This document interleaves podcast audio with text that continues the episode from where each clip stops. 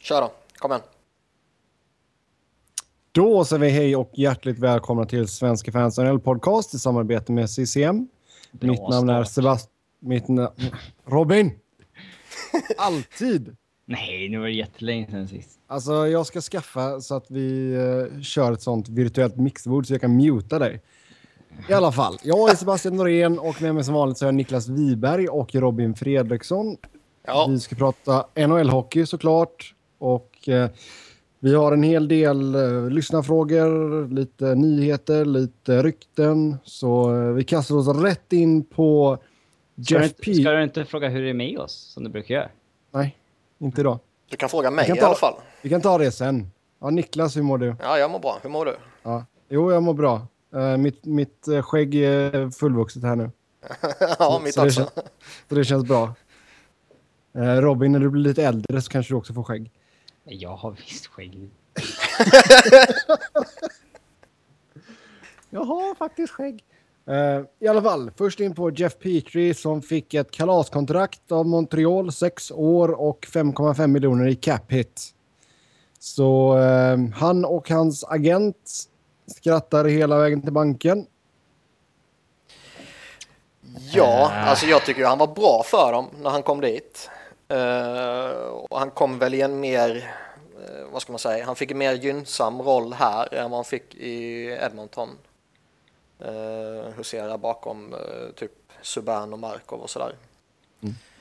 Men eh, med det sagt så är jag ju tveksam till 5,5 miljon för honom på ett sådant kontrakt. Samtidigt så Ja, är det, alltså- ju, det är ju standardkontraktet numera Det är, mark för det är marknaden för en, det är marknaden Ja. för en topp 4-back helt enkelt. Ja. Det är bara att acceptera. Mm, ja, cap hiten känns väl som sagt, det är väl lite marknadsmässigt just nu med sex år. Ja. Nej, men, Men, all- eh, så här, alla som är någonting kan ju kräva 6-7 år nu också. jo. Det, speciellt en sån här sommar när UFA-marknaden är pissdålig.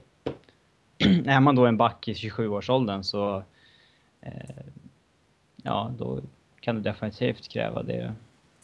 Det känns väl överhuvudtaget, så länge du är en hyfsad spelare den här free agent-sommaren så kan du nog casha in ganska bra. Oh ja, oh ja. Det är en, det är en dålig sommar att vara ute och shoppa på. Ja, absolut. Och jag menar, om vi tittar på backarna då som är, är UFAs så McGreen ligger väl längst upp i topp där. Han är... Jaha, det var... 29, det är han väl ändå så? 29, Nej. vem, vem skulle du hålla över honom då? Andrei Sekera, Christian Ehrhoff. Bägge två, definitivt. Jo, men Sekera tror jag kommer signa nytt med Kings. Ja, men han är jag skulle- fortfarande UFA. Alltså, Jag skulle ju inte hålla Erhoff före Green. ja, det... Ja, då har du jävligt fel. Det- beror på lite, alltså jag, jag känner väl lite eh, Mike Green eh, ser jag det väl väldigt osannolikt att han kommer skriva ett kort kontrakt. Eh, Christian Ehrhoff kan man väl inte utesluta det på.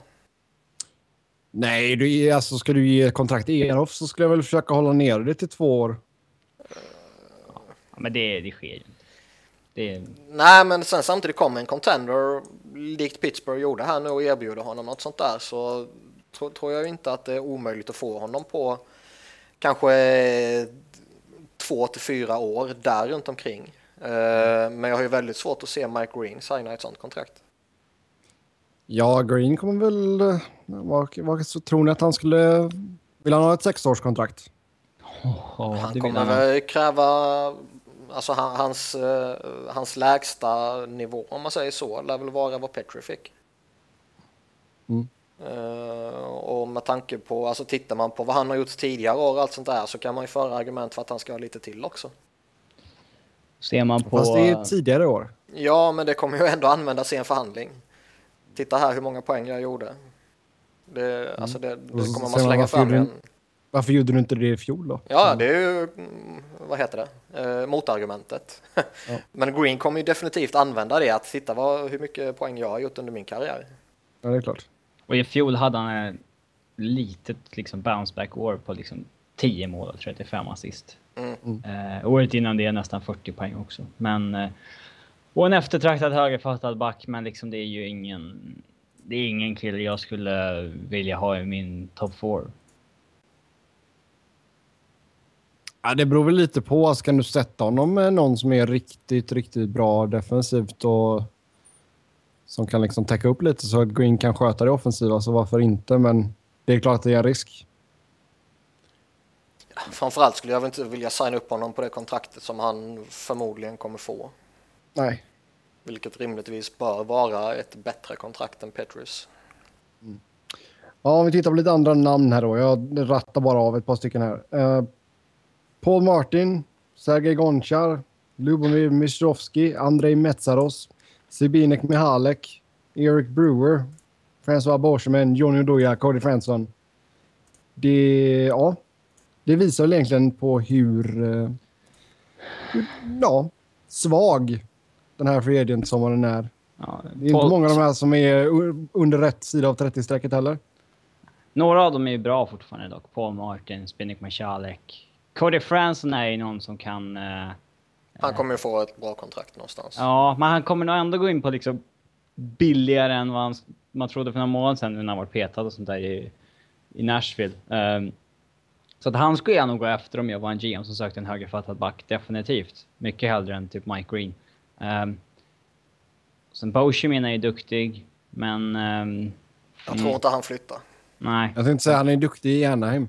Han bygger nog kvar i Dax. Ja. Ingen är duktig i Toronto, vad fan. Det är... Man kan ju inte bedöma honom på, på det. Ja, det är bra. Vi, vi hann spela in typ 15 minuter innan Robin börjar. Ja, det är bra. Ja, det var ju högst befogat. Uh, sen vad fan var det mer du sa där? I... Johnny Oduya. Ja, han är ju liksom... Jag tror att något lag kan säkert ge honom så här fyra mille på fyra år typ. Eh, mm. Men jag tror att de kommer ångra sig i, eh, i så fall. Jag tycker man har sett... Han är, han är fan äldre än vad man har känslan. Ja, han kom alltså, fram så jävla sent. Ja, 33 han gjorde, bast. Han gjorde ju inte bra i Sverige förrän han var typ 25 bast. Mm. Eh, eh, men sen så är han ju en sån back som... Alltså man såg han... Han började tappa lite i år. Även om han liksom har studsat tillbaka lite mot slutspelet och sånt där. Men Eh, det är en jäkla skillnad på antingen spela med eh, Seabrook, Keith eller Hjalmarsson eller spela med... Men att liksom begäras gå in i ett första backpar i typ, jag vet inte, Colorado med typ Eric Johnson och förväntas... Ja. Förväntas vara en ledande back. Det... Ja, det är klart. Det där har du ett bra slutspelsskägg i alla fall. Ja, antar det. ja, eh, nej men alltså om vi, ja, det är ju som sagt många, många äldre spelare. Eh, Gonchar till exempel, 41, tror vi att han kommer att nej. hitta ett nytt lag? Nej. Eh, alltså det går väl inte att utesluta att typ eh, Arizona eller Buffalo eller sån här signar upp honom för att dels få lite lön och, och, alltså. dels få en, eh, en, en pappa. Eh, jag tror inte det kommer ske, men det går ju inte att utesluta. Nej, ja, men jag tror att ska, de, ska Arizona försöka få in en, en back som kan spela med Ekman Larsson så... Ja, men det var inte det jag sa. Det var inte då det jag sa. Vara, nej, men om, det, om du ens ska betala någon menar jag, då ska du ta in någon som kan spela med Ekman Larsson och då blir det väl typ Cody Fransson eller... Men någon sån Adam, kommer inte gå till Adam, Adam McQuaid. Ja, de skulle vilja gå dit också. Ja, till och med pengar bara. Ja, det är inte Arizonas styrka. Nej. Nej, det är sant. Och jag menar Gonchar, eh, alltså jag, jag, tror ju hellre han spelar i, i något sånt lag än att eh, sluta liksom. Har inte han, alltså, har inte han typ redan slutat? När fan spelade han sist? Denna säsongen. Ja men, när var det senast? ja exakt senaste matchen vet jag inte riktigt. Men det var, det var ju mot slutet någon gång. Ja. Han var ju den första Montreal-spelaren att spela i Montreal efter 40 års ålder. Det är ju faktiskt väldigt överraskande. När man ser till hur många gamla legender och sånt där de har haft i sina lag. Ja, men hur många spelar egentligen när man är 40? Det är fan gammalt. Ja, men ja. alltså gam... På den tiden så var det ju inte jättemånga som Alltså, nu är det ju Men de spel, alltså, förr i tiden så spelade de ju inte så extremt länge heller. Men det gick ju att köra en Gordie Howe och hålla på och CP länge. Ja, det gick och det är en som har gjort det. Ja, men Alltså jag menar inte till 53 på alla. Nej, men jag menar tittar man på många som har spelat så eh, jättelångt så alltså det, det är inte, det dräller ju inte av dem. Men det är konstigt att NHLs äldsta organisation inte haft en spelare. Det, ja, ja, det är, det är, absolut. ja, ja, absolut. Det är jättekonstigt, men eh, jag- tror ju ändå liksom att det är, det är inte helt märkligt att det är så heller. Jo. Nej. Ja, men om ni ska få ta en snabb topp tre-lista här då på vilka de hetaste backnamnen är på Free Agency. Etta Sekara, tvåa Erhoff, trea Fransson. Jag säga. Om jag fick... Alltså vilka jag skulle gå efter. Mm, ja. Eh, ja, jag håller väl också han som etta säkert. Eh, På, på åldern främst liksom. Ja, Han är ju fem år yngre än Erhoff typ. mm. Ja. Alltså jag, jag håller Paul Martin rätt högt. Eh, samtidigt är han 34 bast och jag skulle ju inte vilja signa honom på ett långt kontrakt. Men han kan nog kräva en fyra år. Ja, och det skulle jag ju nog inte vilja göra liksom. Oavsett vilket lag jag är i egentligen. Nej. Jag skulle absolut inte vilja ge han 5 miljoner i cap hit. Ja, det skulle jag nog kunna tänka mig. På ett kort Men kontrakt ser inte jag det som några problem. Ja, jo, Alltså, men han jag är tänkte ha så fem fyra miljoner. år. Ja, nej, Han nej. är, ju- han är ju värd fem miljoner spelmässigt. Men Ja. hur länge är men du han vill värd? inte ge han fyra år, 5 mille. Nej, det är väl inte. nej, nej. Han är ju... Sen är väl Corey Franson är väl där uppe någonstans också, mest för att han är eh, så pass mycket yngre än de andra eh, alternativen också då. Eh, uh, Erhoff ska ju in och beblanda sig där också såklart ju. Och Mark Green kommer väl strax bakom känner jag. Eh, alltså, skulle man kunna få Mike Green på ett billigt kontrakt så skulle han väl vara högre, men det tror jag som jag sa tidigare är väldigt osannolikt. Det är han som kommer få sommarens CP-kontrakt. Det är han som blir den här Niskanen typ. Ja. Sju år på sju mil. eller Någonting. Ja, nej, vi får se vad som händer som sagt. Men eh, det, det blir nog en ganska bra huggsex av, av, om de här killarna som fortfarande är liksom rätt åldern så kan producera lite. Frågan är hur många som når UFA-status. Ja, alltså Green kommer ju gå. Ja, det är jag helt övertygad om. Sek- Sekera tror jag inte. Jag tror Kings kommer lösa det. Ja, han stannar nog. Jag tror... Det eh, hänger väl fortfarande på Voinov? Nej, det gör det väl inte riktigt. Um, släpper man Justin Williams och Jared Stoll och eh, antingen köper ut Richards eller kan dumpa honom någonstans så finns det väl i budgeten liksom. Men det snackar Sen- alltså Sekera, kommer han signa för under sex? Det vet jag inte. Fem, alltså det beror väl på lite. Alltså, om de kan väga ut det med lite term så kan de väl kanske få ner det till 5, 5,5. Men han är ju så pass ung så att det är ju inte... Alltså, han, han tar ju inte en discount för att du slänger på fler år. Jag kanske gillar tryggheten med ett långt kontrakt. Det är, det är svårt att veta hur spelarna tänker i de lägena. Mm. Men det är mycket att han ska Eller, eller, offra eller, sig. eller så tar han ett års kontrakt på kanske fyra eller fem och sen tar det från, ja, se vad som händer liksom.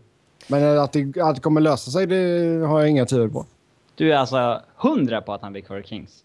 99,9. Ja, jag känner mig rätt övertygad där också. Eh, det, det tror jag. Jag tror man kan lösa det på något sätt. Uh, Fra- Franson. Vill, vill man på något sätt, eh, anser man att han är så pass viktig så man eh, måste signa upp honom och man behöver göra sig av med något kontrakt så kan man ju göra det om eh, Lombardi släpper på sin lojalitet så att säga. Ja. Jo, men alltså grejen är väl också den att alltså, tittar du på, på lagbygget just nu, alltså Toffoli ska ju ha nytt och förhoppningsvis så kan väl de väl få honom på en, en bridge deal där. Mm. Um, skulle de inte kunna lösa det, då, då kan det väl bli lite problematiskt. Jo, det är klart. Det, det kan jag ställa till. Och sen eh, har vi ju pratat om detta förut, just med, som du nämnde, Lombardis lojalitet och sådär. Och, ja, det börjar ju visa sig nu att de här långa kontrakten han har gett ut kanske inte är så jäkla smarta. Det sa vi ju redan då. Ja, vi släpper det där och så går vi till Detroit där man har en ny coach i Jeff Blashill. Uh, lyfts upp från Grand Rapids i AHL. Och så eh, blev officiellt nu. Ja, han verkar Om någon ju... trodde något annat. Ja, han verkar vara jättehypad och... eh, han, sa, han pratade mycket om att han har trivts jättebra och allt sånt där och... Alltså det, det var ju verkligen... eh, vad ska man säga? Det var ju jätteuppenbart att de behöll honom för att eh, fostra honom eh, när Babcock, eller om Babcock skulle försvinna. Ja. Så jag, jag tror det kan vara en, en... Alltså han är ju hypad och det verkar vara med rätta. Och eh, han har ju jobbat med extremt många av de här spelarna som eh, är inne och börjar sniffa på att kanske bli nyckelspelare och framförallt kommer bli nyckelspelare så småningom när den gamla trion i Z, Datsjuk och Kronwall ska tacka för sig. Mm.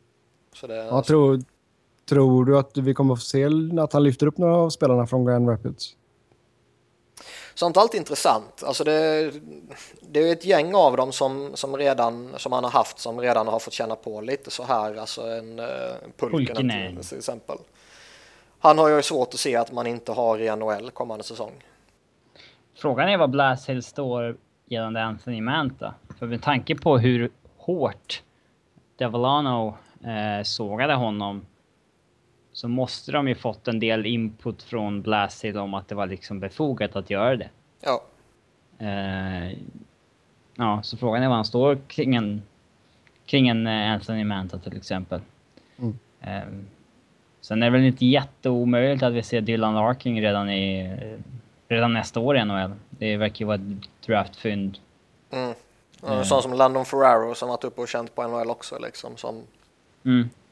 Alltså jag, jag tror inte att liksom Blashill går upp och säger nej, vi behåller nog Dan Cleary ett år till för att Ferraro är inte redo. Det är, nej, Dan Han- Cleary ska väl signa i Toronto nu? ja, det, det sägs att han ska lägga av och kanske få något jobb i Detroit-organisationen. Alltså i Toronto tror jag. Mm. Nej, vi får se vad eh, som händer där. Vad, hur tror ni han gör med, på målvaktsposten? För han har ju haft Mrazek innan. Han kör nu vidare på Howard och Mrazek. Med tanke på att Mrazek har så bildkontrakt så... Eh, Mm, han har ett, alltså ett de, är år inte, kvar. de är inte tvingade att göra någonting. Nej. Det är bara att köra på. 50-50 eller liksom... Låta den som spelar bäst ta jobbet. Ja. Ja, och eh, alltså det, det känns ju verkligen som att eh, ska man eh, alltså ska man ta ett beslut idag gällande Jimmy Howard och beslutet är att nej, vi ska inte satsa på honom. Eh, är det så värst lätt att, att trada bort honom då till exempel? Ah, det vet jag inte. Han har ju fyra säsonger kvar på kontraktet. En cap hit på nästan 5,3. Mm. 31 år gammal. Jag tror inte att det skulle vara svårt att trada honom, men... Eh, Nej, men frågan är, får du verkligen... Du, alltså, Alltså får man, får, man det, får man det värdet för honom som man bör få? Jag tycker det är Det tror jag en inte. högst kompetent målvakt så jag skulle inte vilja ge bort honom bara. Det, det, det tror jag man skulle kunna om man nu skulle vilja det. Så Ja. jag, jag tycker det är bättre att uh, köra nu på, på Howard och eh, eh, liksom antingen så blir allt jättebra och han är din första målvakt i fyra år till och kanske ännu mer. Eh, eller så märker man att nej, vi ska satsa på Mrazek. man märker väl vem som tar jobbet helt enkelt. Ja. Så det, Ja. jag skulle definitivt köra vidare på båda två. yes. Då släpper vi Detroit och så går vi vidare till New York Rangers. Och där går det lite snack om att man ska överväga att göra sig av med Rick Nash. Och han gjorde 42 mål under grundserien. Det är hans bästa säsong målmässigt sett. Eh, poängmässigt hade han 69 pinnar. Det var hans bästa säsong sedan 2008-2009. Korrekt? Men i slutspelet 19 matcher, 5 mål, 9 assist, 14 poäng. När man summerar slutspel så ser det ju inte så jäkla dåligt ut med 14 poäng på 19 matcher, men det var ju alltså... Lite inflation där när han just smällde in fyra poäng i någon match eller sådär. Ja, Ja. alltså, när det var riktigt nedförsbacke. Ja. Men... Eh, jag, skulle, jag skulle inte trada honom om jag var Rangers med tanke på att han... Alltså han är ju fortfarande en av ligans bättre forwards och de vill ju satsa nästa år. Så att... Eh, eh, alltså, man ska ju aldrig liksom säga att ingen spelare är, alltså att någon spelare är helig. Alltså kan du liksom få en ett jättebra bud för honom så ska man såklart överväga det med tanke på att åldersprofilen på laget kanske är mer åt Brassard och Stefans håll än åt Nashs håll. Mm. Eh, men... Jag skulle väl lite känna att det, även om jag eh, och säkerligen väldigt många andra är väldigt starkt kritisk till hans slutspelsprestationer eh, så tycker jag väl ändå att det är en spelare som jag för mig du sa det förra veckan Robin, eller om det var för förra kanske, att han är ju en av få i ligan som verkligen kan dominera en hel match.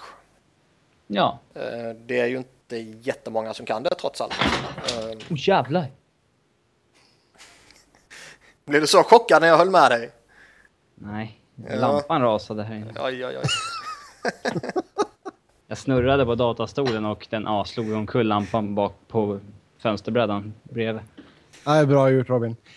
Nej, men alltså grejen är så här. Alltså, jag tror att Rangers kan nog vara ganska trötta på Nash att han inte presterar ordentligt i slutspelet. Visst, som du sa där Niklas, när man tittar på det bara så här så det är klart att 19 matcher, 14 poäng ser okej okay ut, men alltså spelmässigt sett så såg han ju bedrövlig ut under långa stunder. Ja, alltså framförallt så är det ju... Framförallt. Ja, och framförallt så är det ju fyra slutspel där det har sett ut så här. Eh, där han, förra året var han i och för sig het på ett sätt som han inte var i år, men gjorde likväl inga poäng ju. Och är du den spelaren som måste göra poäng i ett slutspel, då är det skitsamma hur bra du presterar. Alltså i övrigt, gör du inte poäng så är du inte tillräckligt bra, punkt. Eh, och så har det varit hela tiden ju. Och det har varit i många olika situationer. Det har varit i Columbus, vilket man alltid kan eh, med tanke på vilken, vilken status den organisationen var i för alla de här åren sen. Eh, det kan man väl ta för vad det är liksom. Men ändå varit under olika situationer, Rangers också. Det var under Tortorella och det var under Vinor nu här liksom och nu den här, eh, det här slutspelet också. Mm. Så det är ju inte bara... Han var väl inte där när Tortorella var där? Jo, 12-13 var väl Tårtan kvar. Ja, just det. Sen så var han 13-14 i... Mm.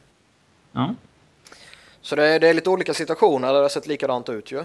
Och jag kan mycket väl tänka mig att man kanske liksom med tanke på hur mycket man verkligen har offrat de här senaste åren och som vi har pratat om fram och tillbaka några gånger när man slänger iväg fyra raka draftval och, eller fyra first rounders då och eh, en Anthony Duclair på det också och sen har man sina två på pappret bästa spelare som är eh, för dåliga helt enkelt eh, i San Louis och Nash då. Så jag kan mycket väl tänka mig att det är eh, att det förs diskussioner på kontoret liksom. Mm. Sen skulle jag kanske inte Men... göra det om det inte vore så att liksom man man behöver skapa sig utrymme för att eh, signa upp typ Stefan och Hagelin och Fast och, och det gänget liksom. Alltså jag tror ju... Alltså organisationen skulle ju må bättre om fem år om de tradar Nash och får alltså rätt ung spelare tillbaka. Ja, kanske få en first rounder i den här eh, draften också. Med typ en så här en Toffoli nivå på ung spelare och ja, någonting till. Då hade man ju liksom förmodligen haft, varit bättre om några år. Uh, jag tror mycket också hänger på ifall eh, Glenn Sader eller Jeff Gordon eh, är, är, är GM i sommar. Det snackas ju lite om att Sader kanske ska avgå. men när Sader är kvar så är det definitivt inte att Nash försvinner. Men blir det ett tronskifte där så man vet ju aldrig hur nästa kille tänker. Nej, nej, det har du helt rätt i. Och, men alltså vad skulle ni kunna tänka er att Rangers skulle dels begära i utbyte men kunna få utbyte för en Nash? Inget med Capit i alla fall. Uh, nej men liksom första, andra val och någon hygglig prospect. Man kan väl få något liknande som uh, man gav upp för honom kanske. Alltså en, eh, en gedigen roster player typ och eh, någon prospect och någon pick liksom. Mm. Om man väljer den vägen. Annars tror jag man kan eh, få... Alltså man, man bör ju verkligen, om man nu bestämmer sig för att trada honom eller någon annan. Det, det, det, alltså, det kan mycket väl bli någon annan man väljer att offra ju. Men eh, man bör ju verkligen försöka få en first rounder i så fall denna sommaren. Ja, fan. Mm. Rick Nash till Arizona, ni hörde det här först. Ja, det gick så för dig. Nej, det vet jag fan hur det hade gått.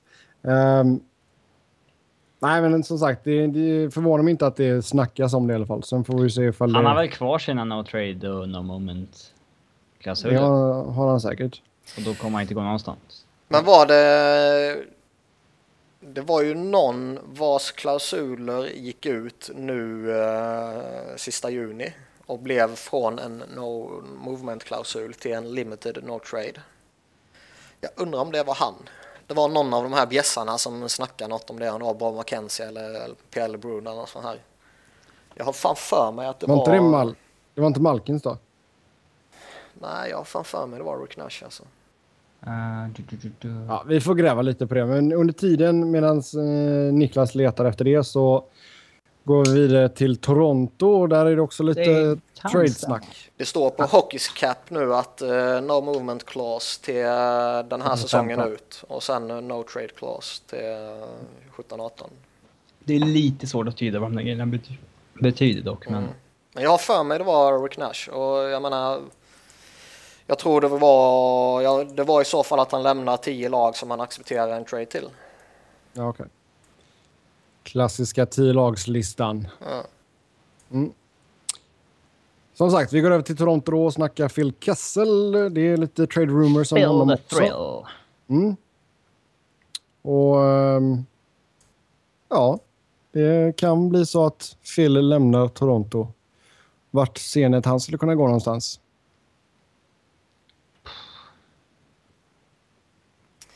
Eh, Caps. Caps? Yeah. Hur ska de ha plats med honom? På Bäckström och Ovis right wing. Ja, det var inte det jag menar. Jag menar lönemässigt. Ja, men man kan ju alltid... Alltså det går ju att göra utrymme för folk. Ja. Man måste slänga iväg något kontrakt i så fall känns det väl som. Mm. Eh, nu känns det ju dock som att Toronto har ju tillräckligt kompetent folk för att de inte kommer liksom göra någon piss-trade om de uh, skickar en Phil. Alltså det beror ju på lite om... Uh jag håller ju honom rätt högt, även om det är skoj och skämta om honom givetvis. Han är ju... Att han är tjock och sådär. Ja, alltså det är, det, det är alltid lite eh, och, och allt. Han, han verkar ju vara en udda personlighet också. Eh, Ja.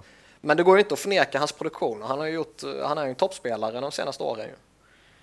Ja. Eh, Men sen samtidigt, alltså, det går ju inte att utesluta heller att, eh, att lagledningen och kontoret och höjdarna och cheferna och så vidare eh, tröttnar på honom. Eh, och liksom verkligen li lite som, som snacket går i Toronto-media också. Att eh, man verkligen ska skänka bort honom eller att man ska vara redo att ta tillbaka en massa skräp. Ja, men Det, det, känns ju, det känns ju jäkligt skumt. Och det, Jag tycker det borde, ja, absolut. Eh, jag, jag tycker ju inte alls det är så, men eh, alltså underligare saker har ju skett. Jo, men hade jag varit Toronto så hade jag nu bakat in detta i en av våra andra punkter här, men um, Elliot Freeman nämnde ju att Evgenij Malkin kanske inte är så jätteglad med livet i Pittsburgh längre. Och, jag menar, hade man varit i Toronto där så skulle du bara gå all in på, på att få Malkin och sätta honom med Kessel och JVR.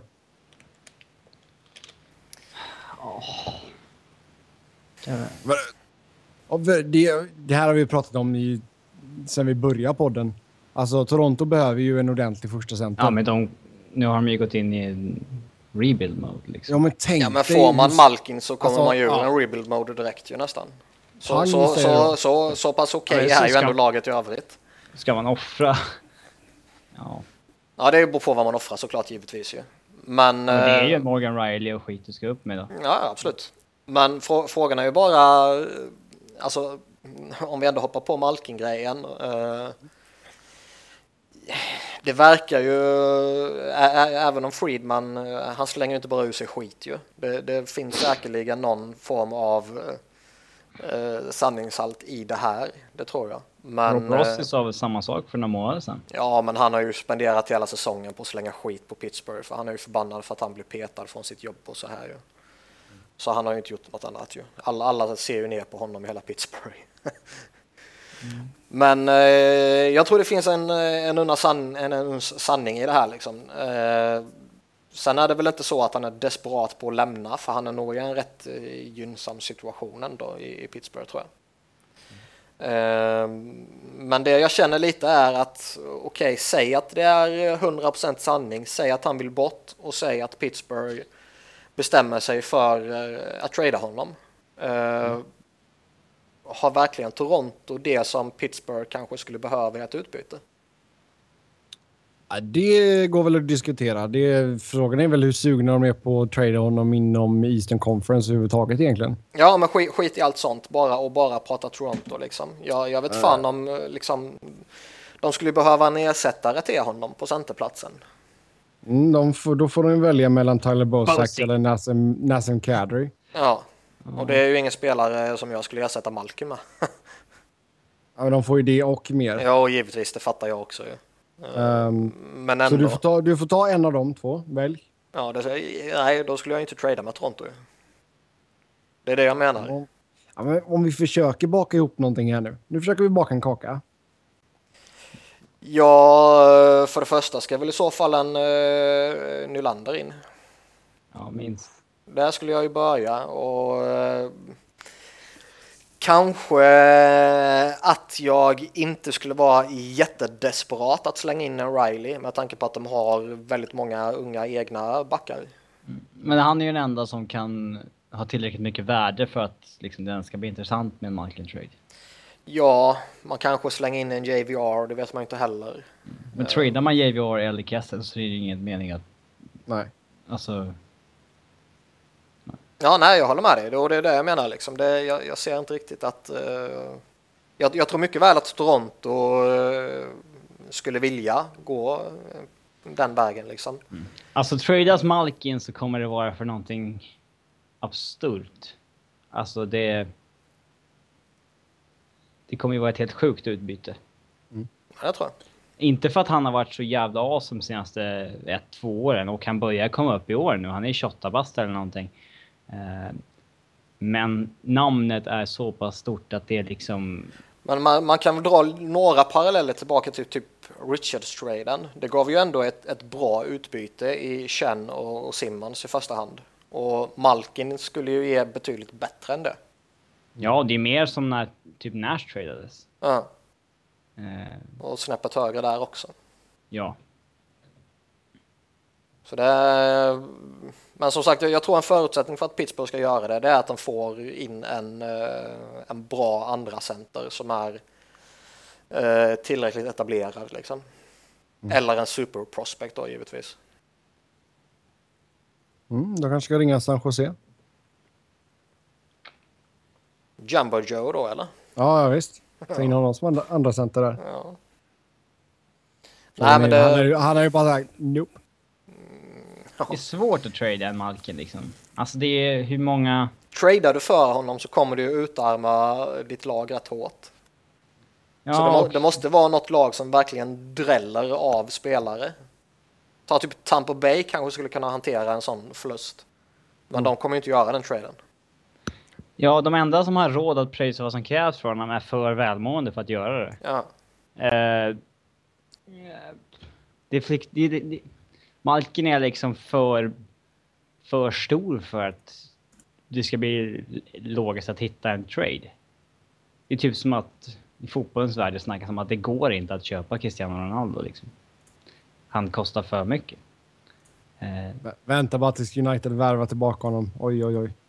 Mm, visst. Eh, Nej, alltså jag, jag har svårt att se Malkin flytta för att jag vet inte hur... Alltså det, det har ju alltid snackats om typ att Montreal... Eh, eh, och det har snackats om att Montreal liksom är en bra fit för honom, men... Eh, alltså man, kan ju, man kan ju hitta jättemånga lag där han skulle passa in jättebra. Mm. Alltså man skulle vara en bra spelare, ja. men nej, det... nej, men där det finns liksom en lucka och så vidare. Uh, han skulle passa in jättebra i 29 andra lag givetvis. Mm. Uh... Jo, men alltså det har, sen, det har ju gått lite snack om att Malkin har spelat sin bästa hockey när Crosby inte har varit med. Mm, ja. Samtidigt så snackas det om att han gillar att vara i, i Pittsburgh för just då får han gå lite i skuggan av Crosby. Han vill inte vara liksom i rampljuset så. Han får bestämma sig helt enkelt. Alltså, finns ju på och utanför isen liksom. Utanför isen vill han nog vara i skuggan, men på isen kanske han hellre är första centern. Ja. Ja, nej, vi får se. Men som sagt, det är klart att det skulle behövas en eh, blockbuster där, alltså av Guds nåde. Ja, lite så. Mm. Eh, en spelare som Montreal eh, kan vara intresserad av är Mikko Koivu. Och eh, hur skulle han passa in i Canadiens och till vilket pris tror man skulle kunna få in honom? Eh, han är väl en rätt rimlig center att gå efter om man tittar på just det faktum att man kanske inte behöver ge upp uh, supermycket. Han kommer nog fortfarande vara dyr, men jag menar, vi pratade precis om Malkin, han kommer betydligt billigare än Malkin liksom. Eh, så så sätt kan det väl vara en rätt rimlig trade att försöka sig på. Frågan är ju dock om han är så pass bra ja. att det är värt att eh, betala priset som han ändå kommer kosta. Det är han inte. Nej, jag är väl lite inne på det också. Han har tappat. Eh, ja, jag höll honom jättehögt tidigare, men eh, nu börjar han bli lite sådär halvgammal och... Det är en tre, fyra år sedan han verkligen var på hög nivå nu alltså. Ja. Så är, frågan är om det är rätt spelare. Sen samtidigt så tar de in honom så går han väl att bli uh, deras klart bästa center. Ja, sätts med Per Chiuretti och du vet fan vad som händer liksom. Ja. Och så vidare, men... Men han har ändå haft bra spelare runt omkring sig i Minnesota liksom, så. Mm. Mm. Men det ska jag till vara med vilja att stort sett... Ja, i stort sett ge bort honom liksom. Alltså, ja men vi tar Plekanec då och så någonting till. Annars skulle inte jag gjort det om jag var Montreal. Nej, men är det, alltså, är det verkligen... Jag tycker ändå så Plekanec tycker jag gjorde en riktigt bra säsong för Montreal. Mm, men han har bara ett år kvar på kontraktet och UFA, mm. så att han kommer ju förmodligen inte bli kvar. Mm. Ja, vi får se. Vi får se. Som sagt, det blir, kommer bli mer och mer spekulationer ju närmare Free Agency och draften och allting vi kommer. Uh, Edmonton letar målvakt verkar det som och ryktas om att man tittar på Cam Talbot, Robin Lehner och John Gibson. Och, eh, det är väl tre fullgoda målvakter som definitivt skulle ta första sparen i Edmonton. Eh, vem hade ni valt? Uh, Gibson. Ja, om man fick välja mellan ja. ja. Men det är väl en, han går ju inte att trada för. Nej, jag tror han kommer bli för dyr. Och jag mm. tror Anaheim uh, inte vill släppa honom. Nej. Uh,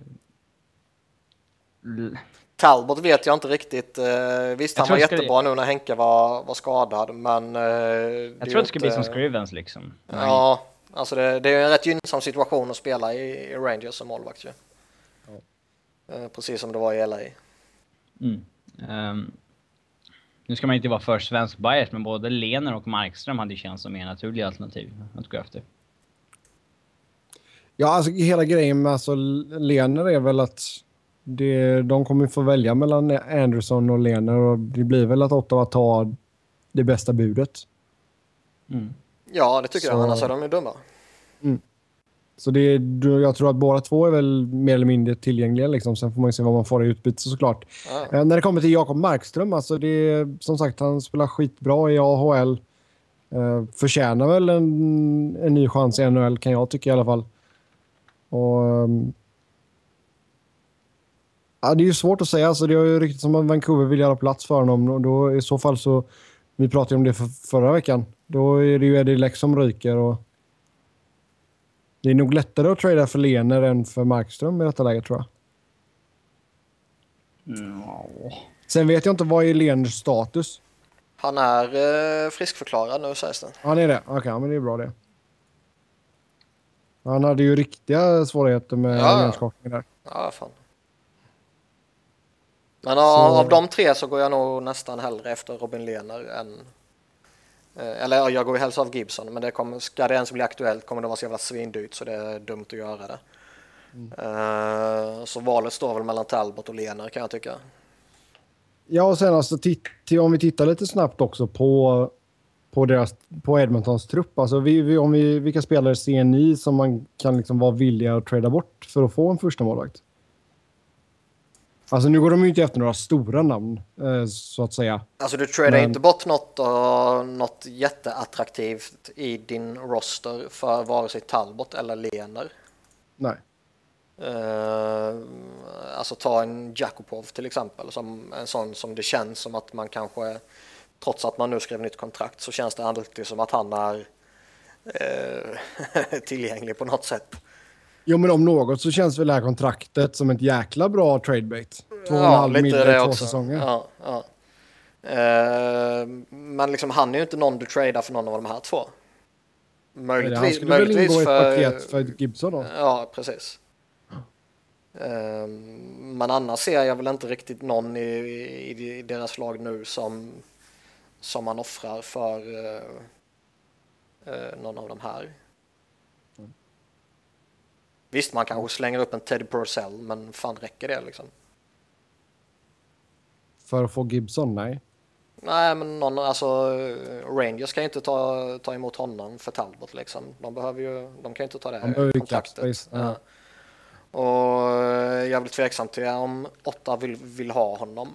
Eh, även om de letar efter en, en forward som kan spela topp 6. Mm. Jag vet inte riktigt om han kanske håller den eh, nivån längre. Eller om det bara är eh, kaoset i Edmonton som har fått honom att tappa lite. Men jag tyckte man såg det lite i Tampa också. Mm. Nej, det är som sagt, alltså, de, de, det känns ju som att de spelarna som andra lag skulle vara intresserade av ska ju inte Edmonton släppa. De, man ska ju inte släppa Oskar Klevbom. Man, Ja, alltså, men eh, det är ju ingen utöver uh, Conor McDavid när de får honom som sk- ska vara helig. Men för det vi pratar om nu så ska man inte släppa någon av de stora. Ja, nej, vi får se. Det är som sagt hur uh, free agent-marknaden på målvakter, hur ser den ut? Den, Den är väl eh, rätt Tokpissig va? Ja, inte, bara finns, finns, typ finns det något alternativ för Edmonton där? Kan man, Ja, Antiniemi är väl en kompetent målvakt. ja. Viktor Fast kanske.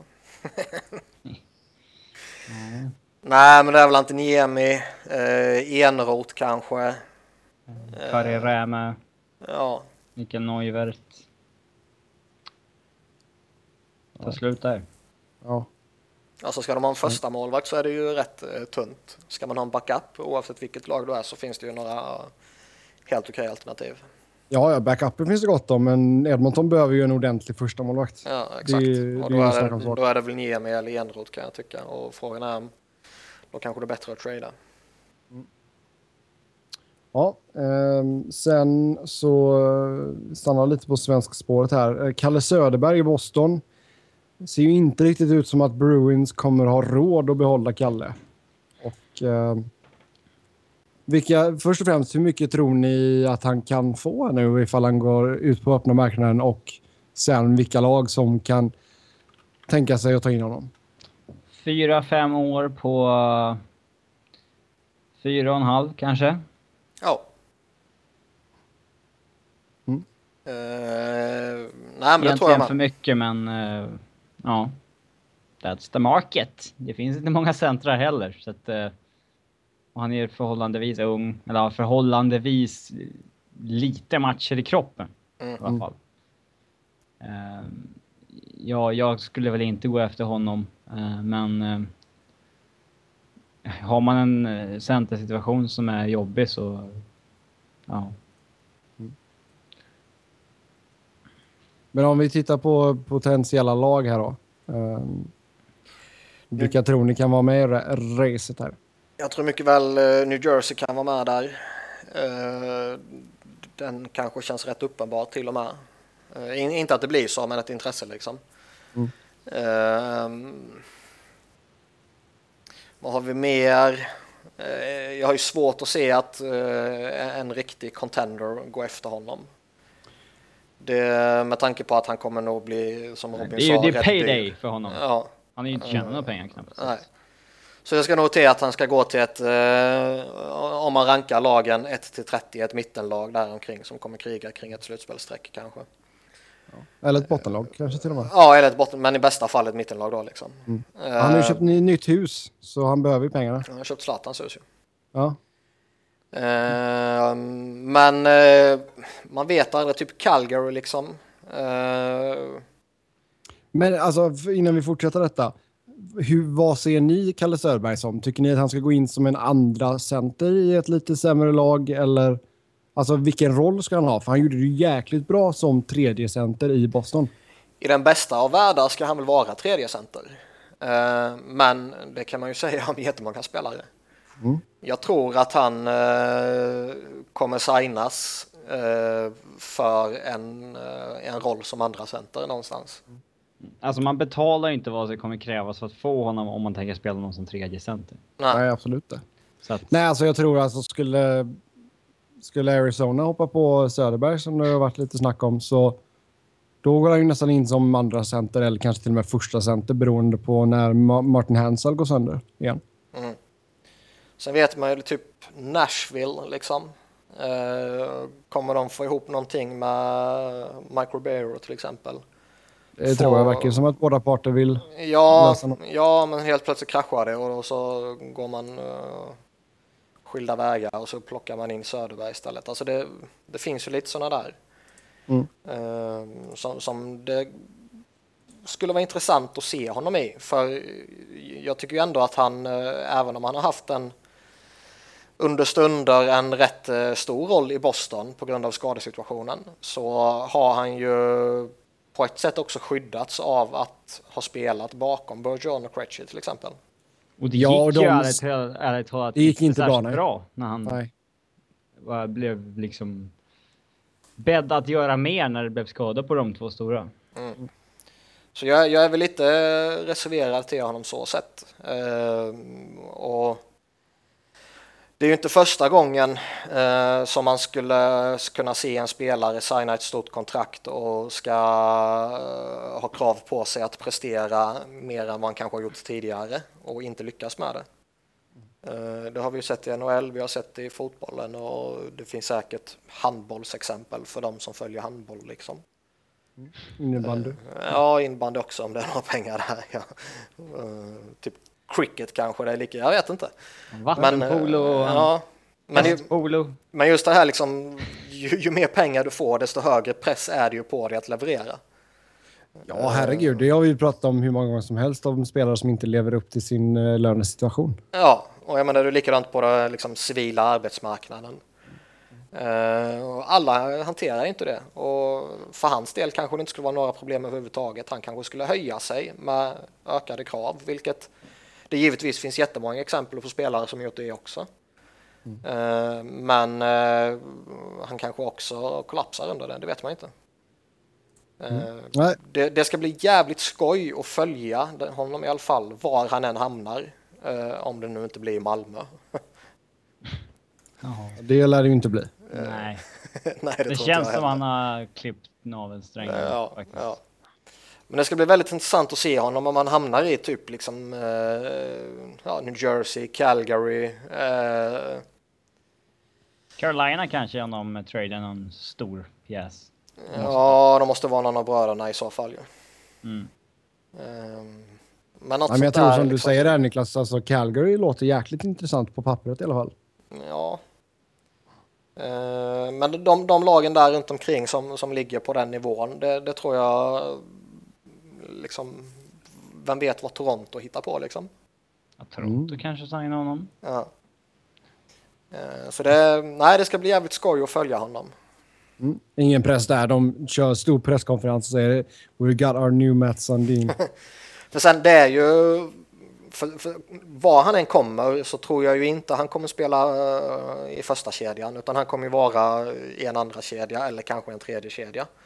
Mm. Uh, frågan är om han kommer få så värst mycket bättre lagkamrater än vad han redan har haft. Nej, han kommer nog inte ha en Lou Eriksson i en tredje line någon annanstans. Nej, och säga att han spelar i en andra kedja någon annanstans så visst han kanske hittar någon, någon likvärdig till Louis och rimligtvis bör han väl hitta någon som är lite bättre än typ Kelly. Men det är ju inte en garanti heller. Nej, men kan han komma upp på 50 pinnar så ska man ju vara skitnöjd tycker jag. Ja, definitivt. Uh, Inget snack om saken. Men som sagt, det, det finns lite eh, aspekter som gör att det ska bli förbannat spännande att följa honom. Mm. Ja, tillbaka till Ottawa och deras målvaktssituation då. Uh, St. Louis och San Jose har kopplats samman med Craig Anderson och två lag som verkar... Uh, ja, San Jose känns det ju som att det är tack och hej till Niemi. Och St. Louis återigen får ingen riktig pli på målvaktssituationen så Alltså, Vad har ni att säga om det, det här ryktet? San Jose känns ju jättelogiskt eh, med tanke på att de behöver en målvakt. Ja. St. Louis är jag ju faktiskt förvånad över. Så de, de, oh. Det vart ju inte jättelyckat i år, men vad fan, de har ändå liksom tagit ett beslut att köra på de två nu liksom. Um. Ja, och eh, liksom Jake Allen bör man väl satsa på kan jag tycka. Uh, Brian Elliott. Alltså ska du ha Brian Elliott eller Craig Anderson? Är inte det lite skitsamma? Ja. Samma, samma stil på bägge. Nej men exakt. Båda kan vara skitbra och båda kan vara hur dåliga som helst. Uh, och, visst, man kan ju föra argument för att nej, men det har inte funkat med Elliott. Det är ju bara att titta på hur det har gått de senaste slutspelen. Vi behöver en annan målvakt. Uh, mm. Men jag menar, jag, jag ställer mig tveksam till om det bytet skulle vara det jag skulle göra. Eh, utan ska, ska man göra något med den rosten så är det väl kanske i så fall eh, någon back eller forward som man ska skaka om med. Ja, alltså det känns som att det skulle kosta lite mer än vad det smakar att ta in Anderson också till St. Louis. Ja, alltså... Du skicka, för du, du får ju inte iväg Elliot. Nej, alltså, du kan ju inte skicka en målvakt andra sidan. Nej, Nej, exakt. Och visst möjligtvis att man, eh, ja, Ottawa kanske tar på sig en Patrik Berglund eller någonting för de vill ju ha någon forward ju. Um, nej, det är ett byte man skulle göra, jag vet inte. Mm. Nej, jag ser, men som sagt, San Jose känns logiskt och... Jag vet inte, alltså är Anderson... Är han fortfarande tillräckligt bra för att vara eh, första målvakt i ett lag som ändå ska vara ganska bra? Ja. var de inte det förra säsongen, men... Ja, när han spelar på topp så är han det. Uh, och den förmågan bör han väl ha kvar att kunna liksom fortsätta åka sin berg och dalbana. Mm. Ja, vi får se. Vi får se. Eller ifall San Jose fortsätter att hitta någon annan finsk målvakt. Man vet aldrig. Mm. Uh, vi går vidare till Los Angeles Kings och eh, snackar om att man kanske eh, offrar Dustin Brown och, eh, alltså helt ärligt alltså, jag förstår inte riktigt vad, alltså, tradar du Brown, med den capita han har och den dalande poängproduktionen, du kommer inte få någonting vettigt utbyte. Det, nej, skulle vara, det skulle enbart för att bli av med hans capita. Ja, ja. Nej, men det är ju det som är syftet här i så fall om man behöver skapa sig löneutrymme. Mm. Eh, det, det, är väl där som, eh, om det är spekulationer eller rykten, det vet jag inte, men jag läste det någonstans. Mm.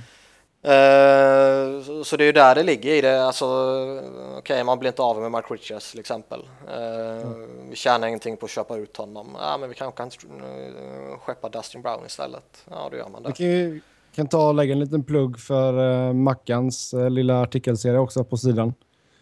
Han har intervjuat lite olika Kings eh, mediepersoner och vad de tycker att laget ska göra. Jättebra initiativ av honom. Mm.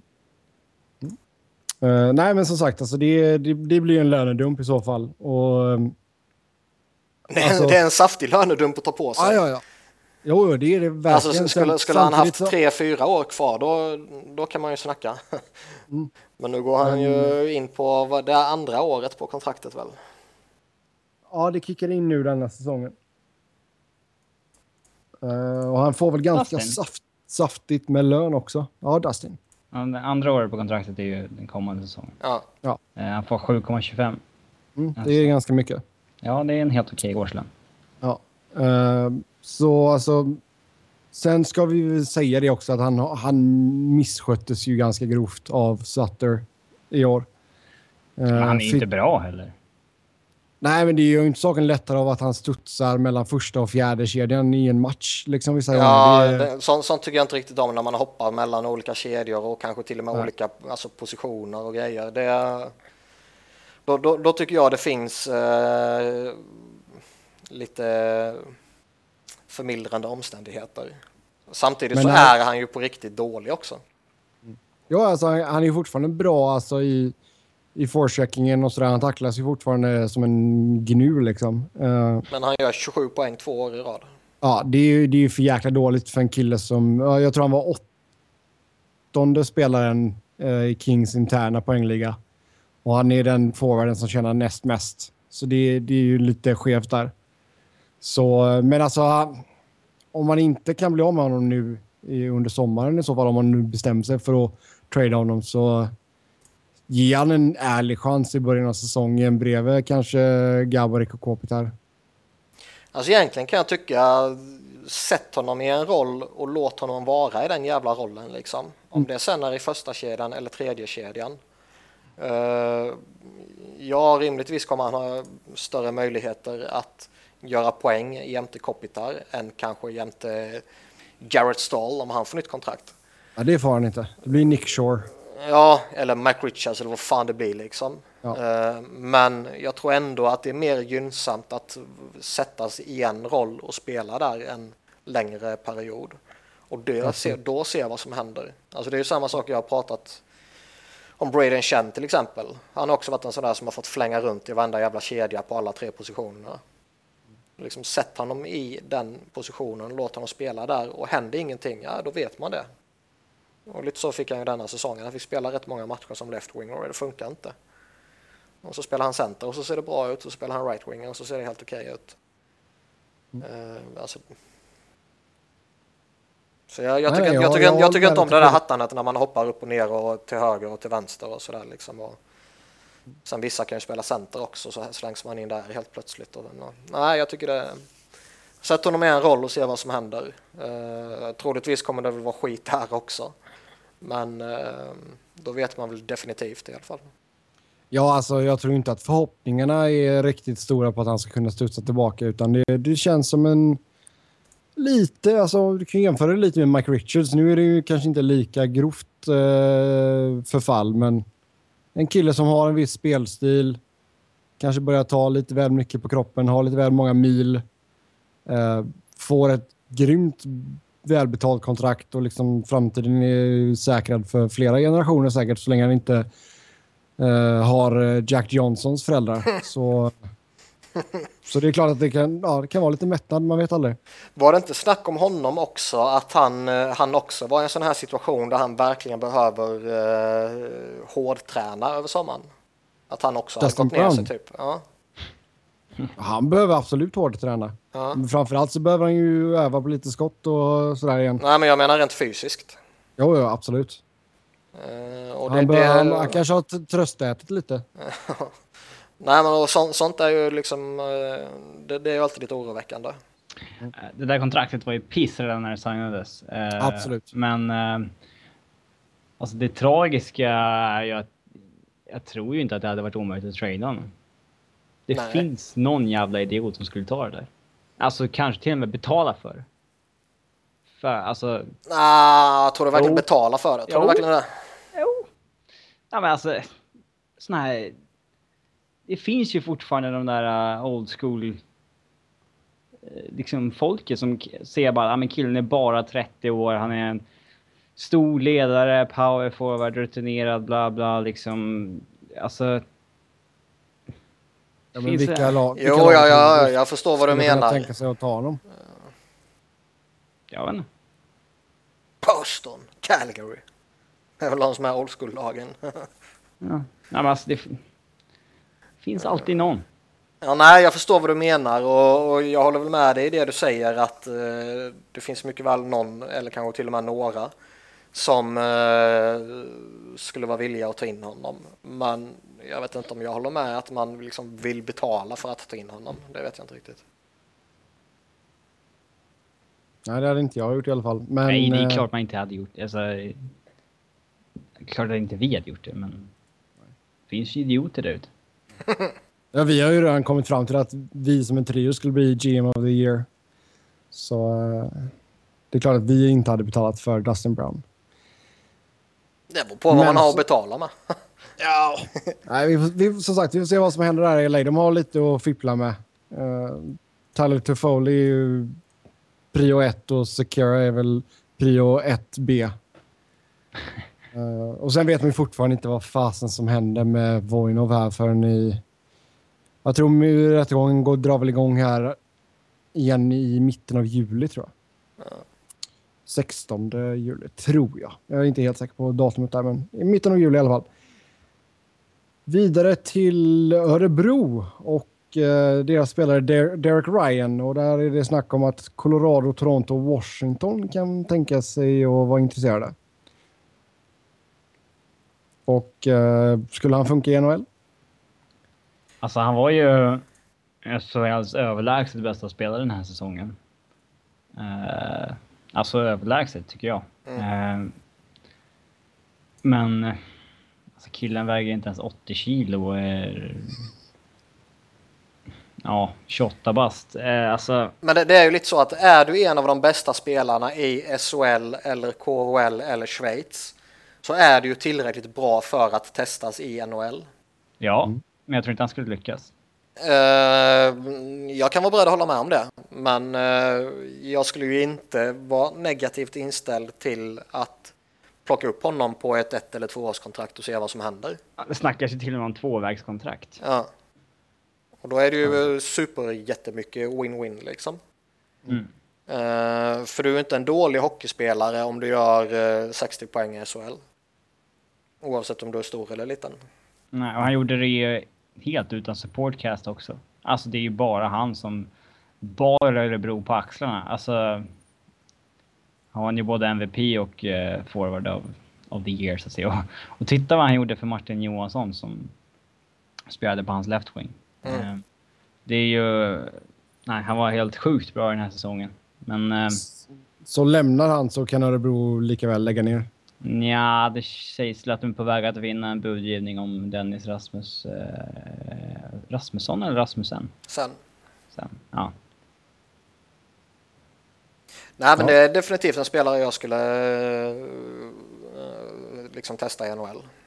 Sen är det ju liksom, vi har ju pratat om Jocke Lindström några gånger som har varit överlägset bäst i elitserien och som har varit pissdålig i NHL varenda gång. Så jag, jag menar, Derek Han Ryan kan ju, ja, ja, och Derek Ryan kanske blir likadan. Han funkar inte alls någonstans och blir total kaos liksom. Eller så går han in och gör en uh, jättegedigen säsong i Det, en- det känns ju jättekonstigt att just Colorado nämns. Med Roas size fetish och sådär. Han snackar ju om att han vill ha centrar som är stora och starka och så vidare. Eh, Jag finns, det finns ingen uh, sån här connection någonstans att någon, någon eh, har haft honom i eh, typ ungdomslag eller, liksom, eller juniorlag menar jag. Eller någon sån här. Nej, det verkar inte så. Alltså killen har ju kommit från... Alltså ingenstans egentligen. Jo, jo, men han har ju ändå spelat i uh, Western DHL liksom. Ja. Ja, nej men det... Tror inte det. Det är inte den ligan som Ra coachat i heller. Eh, Nej, nej, men det finns ju andra i, i organisationen som eh, kanske tipsar och så innan uh, Roa skrattar åt dem så tittar han i alla fall på namnet. Mm. Han har haft Rickard Grönborg som Mm. eh, i Spokane Chiefs. Det är stort. Men det är, jag håller med dig lite om att Toronto och Washington eh, känns väl kanske mer eh, logiskt än eh, eh, vad heter de, än Colorado. Ja. Nej, men alltså överlag när det kommer över alltså sådana spelare som är lite äldre och så här, så gäller det att de kommer in i, i, i rätt omgivning, absolut. Du, du såg ju, Kalle Söderberg kom ju upp, och vad han, han kom över 27. Eh, ja, något sånt. Ja. Ehm, Så det är klart att det, det gäller ju att man har lite flyt också. Liksom. Jag hade ju gärna sett typ, alltså Fredrik Pettersson i NHL. Säger du bara för att han Mm. är Frölunda? Ja, det är klart att det väger ju säkert in. Men han är. Säkert! Sluta ljug för fan, det väger in helt och hållet. det väger in plus att han har en jäkla bössa. Ja. Nej men det, Men det- visst absolut, det är också en sån här spelare som är tillräckligt bra för att testas. Nej, jo, testades väl. Ja men jag menar, han kan väl testas igen. Ja. Alltså det, är du så pass bra så att du är en av de bättre spelarna i, i Europa, eh, då kan du testas i NHL.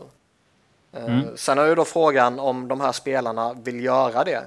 Eh, för det kan ju lika gärna bli att de får tre matcher och sen dumpas de ner i AHL och sen ska de försöka hitta ett jobb i Europa för de inte vill vara i AHL. Och så är det bara kanske två lite halvsexiga lag som är kvar att liksom kunna ta in dem. Man river upp en jävla massa... Ja, man skapar massa problem för sig liksom. Ja, risken finns ju. Ja, vi stannar eh, på svenskspåret lite och Adam Larsson och eh, dags för nytt kontrakt. Och eh, ja, dels hur tror ni att hans kont- nya kontrakt kommer se ut och B, vilken roll kommer han få i Devils eller bör han få i, Devils? Jag tror att han skriver på en bridge deal på en cirka två millar. Så får han väl en Ja. topp fyra roll Mm. Antar jag. Han är ju en av dem man ska bygga kring där bak. Ja. Kan jag tycka. Och eh, det var väl ett rimligt kontraktsförslag som Robin la fram. Tycker jag. Oj, oj, oj. Niklas håller med Robin två gånger under podden. Det är inte ofta det händer. Ja, men vad fan, även när han träffar ju rätt ibland ju. Nej, men alltså det känns ju som att han har studsat tillbaka lite nu efter att ha ja det har han efter, efter coachbytet. Han är ju skitbra nu. Ja, och liksom fått eh, ja, mer förtroende och allt sånt där. Och det, det var ju definitivt en spelare som slängdes in för tidigt i ligan i alla fall. Men eh, som har lyckats studsa tillbaka nu, så det är ju kul att se det. Eller slängdes in under fel coach från början bara. Ja, plus att han var lite för grön. Eh, Nej, jag vet inte. Ja, det är klart, det var klart han var ung utav helvete. Han var, var han 18 bast väl, eller 19? ja, Ja, det gick ju direkt efter draften, men... eh, Ja. Så det är klart att det, det är ungt ju, men eh, jag tror snarare det var situationen han hamnade i än eh, hans egen ålder som ställde till det. Carolina, det, de har lite att fippla med också. Och eh, vad ska man göra med Alexander Zemin? Ja, antingen retaina halva lönen och bjuda, bjuda runt honom i sommar. Eller eh, behålla honom och eh, sätta honom i de allra bästa situationerna man kan hela tiden och invänta att någon är villig att ta honom. Men då får man ju retaina lite lön, men förmodligen inte hälften.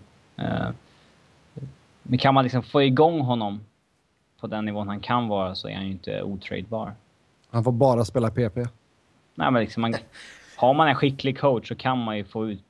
Liksom, Men går han in och gör mycket- 40-50 poäng igen eh, och Keynes är villiga att retaina lön, då tror jag definitivt lag kommer vara intresserade. Ja. Tror du att han har det i sig? Ja, ja. Ja, Det är bara en säsong nu han inte gjort det på. Han gjorde ju 42 på 65, 13-14. Alltså... Det är, alltså, hade inte han varit ryss så hade det inte varit lika stor... Eh, alltså spotlight på just det här att han liksom har fallit igenom totalt och sådär. Liksom. Det har ju fan Dustin Brown också gjort. Och, Ja, Det har ju varit bra så Ron Brown här borta. Det, sen är det klart att... ja men han hånar, det, det, det är ju ingen som hånas lika mycket som Semin. Nej, nej, absolut inte. Alltså ser man en säsong där det gått åt helvete. Brown har ju varit dålig i två och ett mycket sämre kontrakt. Jag tar ju hellre Semin än Brown. Mm. Om man tar deras kontrakt i beaktning. Mm. Eh, på tal om kontrakt så Brent Seabrook har ett år kvar på sitt kontrakt med Chicago. 5,8 miljoner i cap hit. bör Chicago kanske överväga att trada honom i sommar? Det är en jävligt intressant situation. Eh, bestämmer man sig för att trada honom så kommer man ju garanterat få riktigt bra utbyte. Eh, dels är det ju en väldigt solid back eh, och dels är han ju hypad som något fruktansvärt. Galet hypad. Ja. ja. Till stor del med rätta, men till liten del överhypad. Jo, men känns inte han som en så här, alltså egentligen perfekt komplementback i ditt, ditt första backspar? Oh, jag tycker han är lite bättre än, än så, men... Uh... Jag skulle inte ha några problem att lira han som uh, liksom ledande backen. Att det var ju många som sa samma sak om Ryan Suder liksom när han ja. att, att han är det perfekta komplementet, men inte mm. netta liksom. Men det är han ju. Uh, men... Mm. Sen är det klart, ja. han är väl ingen Duncan Keith liksom. Nej. Eh, men, eh, och han är väl ingen, ingen som ska nämnas i det absoluta toppskiktet. Men han är ju definitivt en av de första som kommer strax under toppskiktet liksom. Skulle jag säga. Ja, det är han. Uh, jag hade väl försökt behålla honom om jag var Chicago. Uh, för har man Taves och Kane, Keith och Seabrook, då kommer man ändå kunna liksom utmana hyfsat Även om man kommer få göra avkall på mycket annat nu. Ehm, mm. och sen så är det ju så att liksom... Han är inte otradebar om ett år även om man förlänger. Alltså, nej, nej, det är han absolut inte. Men alltså, grejen är väl den att... Tror, är det en spelare du tror kan tänka sig att ta lite av en discount för att få stanna liksom? Nej, jag tror inte. Alltså, om Taves och Kane skulle gjort det. Ja. Så ja. skulle han nog gjort det också. alltså det, deras jäkla cap hits ställer ju till det något så in i helvete Men, i framtiden. Ja, och, och liksom... Eh, det var ju ingen discount de tog direkt ju. Och inte där, det här kontraktet? Nej, och, och, det är väl det kontraktet alla kommer titta på. Det är inte en människa som kommer bry sig om det förra kontraktet ju. Nej, det förra uh, tog de en, en discount och det ledde ju till att de vann igen. Ja. Men uh, nu var det payday för dem och uh, jag menar Seabrook ska väl... Ja, han kommer få ett åttaårskontrakt på... Sju, sju och en halv någonting. Mm.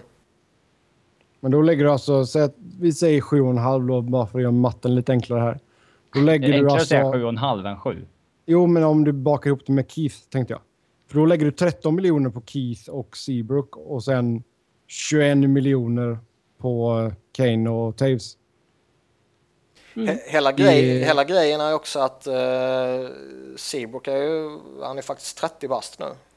Mm. Uh, signa upp honom på 7-8 år kan bli jobbigt framåt slutet. Mm. Han tar uh, inte kortare år än det. Nej, det tror inte jag heller. Men så jag menar, det, det kanske är en gynnsam situation att trada honom nu. Värdet kommer ju vara bra nu och jag menar, det, det kommer inte att kollapsa uh, nästa sommar om man säger så. Uh, men uh, trada honom denna sommaren så tror jag ändå man kan få uh, till exempel riktigt bra prospects eller någonting eller uh, unga spelare på billiga kontrakt som, som man behöver. Mm. Alltså grejen är, Bowman har gjort ett sinnessjukt bra jobb med Chicago i flera år. Men liksom när han tradade Ladd, Bufflin och alla de här, de traderna blev ju faktiskt inte bra han får in, alltså skulle han trada Seabrook så får han verkligen inte missa på den alltså. Nej, nej, han, måste... han måste ju få hans arvtagare i den traden. Ja, liksom. exakt. Han måste få Keiths nya partner i den mm. traden. Ja, eh. eller uh, den nya snubben som ska bära andra paret. Ja. Hur man nu vill formera sin backbesättning liksom. Mm. Det är ju samma ja, spelare. För... Ja. Mm. Nej, men alltså grejen är väl också när du tittar på alltså, backsituationen för Chicago så är det ju bara Keith har... och, och Hjalmarsson som är signade hyfsat long term liksom. De har jättemycket backar i systemet. Men... Ja. Um, jo, men vill du verkligen få, lyfta upp fyra stycken nya backar? Ja, få är ju redo att gå in nästa år. För jag menar, Timonen är ju tack och hej. Han har nog ett par år kvar i Rotsevall vet vi inte, alltså med tanke på hans skada och allt sånt där. Och han är ju ganska gammal också. De kan ju inte signa om honom efter det där. Nej. Johnny Duja kommer man inte... i så fall. Ja. Ja, Johnny Udoja kommer man inte signa nytt med. Nej, det har man inte. Eh, David Rundblad, det är ganska givet att man inte har förtroende för honom. Jo, men han blir nog kvar, men det blir, Han är ju bara RFA så han kommer man nog Ja. försöka signa upp liksom. det blir inget väsentligt kontrakt. Nej, Nej, och det är ju en kille som kommer få vara sjätte eller sjunde back. ja. Så eh, ja, det, de har lite att pyssla med, det kan man ju lugnt säga. Och Cap-situationen gör ju inte saken lättare för dem. Får vi se där. Det blir väl att, vad tror ni att det, man säger hej då till Sharp eller? Ja då. Det är- Man har ju redan signat hans ersättare i Panarin. Eh, jag tror den bittraste människan i hela Chicago måste vara Duncan Keith. Alltså det, det, det kontraktet han sitter på. Det är ett fynd. Ja, han har ju gett upp så mycket miljoner. När, när, när Seabrook signade ett vanligt kontrakt och Keith signade monsterlånga kontraktet. Alltså killen börjar ju gå ner i lön nu. Och om några år kommer han tjäna pisslite. Det, Men eh, han har ändå tjänat, eh, vad blir det, 8 miljoner under sin karriär om man fullföljer hela kontraktet. Det är ändå bra pröjs. Ja, men skulle han bli UFA i sommar skulle han ju få 10 milar på sju år. Ja, absolut. Men jag menar, det är inte så att eh, han, han har bara tjänat 80 miljoner. Ja, nej, han behöver inte gå till fattighuset, absolut inte. Nej. Nej. Men han har gått miste om otroligt mycket pengar. Ja, absolut. Ja, ska vi släppa Chicago där då? Och eh, Så länge. Vi kommer väl tillbaka om en stund. herregud, absolut. Ja, nu så här har vi ett lagbygge så det sjunger om det. Buffalo Sabres. Vad, alltså, vad ska man försöka förstärka med och vad är en realistisk målsättning i er mening för den kommande säsongen? Eh, jag tycker att man har väldigt många pusselbitar på plats. Eh, en stor del av vad man eh, bör försöka göra kommer nog landa lite i vad som händer med alla unga spelare. Alltså vad kommer eh, man göra med Sam Reinhardt? Vad kommer han spela? Eh, vad kommer Grigorenko spela? Vad kommer Jake McCabe spela? Eh, Johan Larsson, vad ska han hålla hus och, och lite sånt här. Där måste man ju ta Känns det som ta ett beslut vad, vilken inriktning man vill göra? Vill man spela så många unga som möjligt eller vill man låta några av dem växa vidare i, i AHL eller kanske Europa eller i juniorliga och så vidare? Ehm, och, och kanske titta på veteraner på Free Agency istället. Mm. Jag skulle väl... Här, här är ju ett lag som behöver en ordentlig första målvakt också. Eh, vadå, litar du inte på Lindbäck? Jag tänker inte ens besvara den frågan. Eh, nej, det är klart de behöver en målvakt om de vill, eh, om de vill åstadkomma någonting. Vilket de, det känns som att de kommer vilja göra denna säsongen. Det känns väl inte som man ska ta ett till tankår. Nej, de nej, det kan man inte göra nu när man har fått det här toppvalet. Alltså, om man liksom eh, vid nyår in, ja, jag inte har...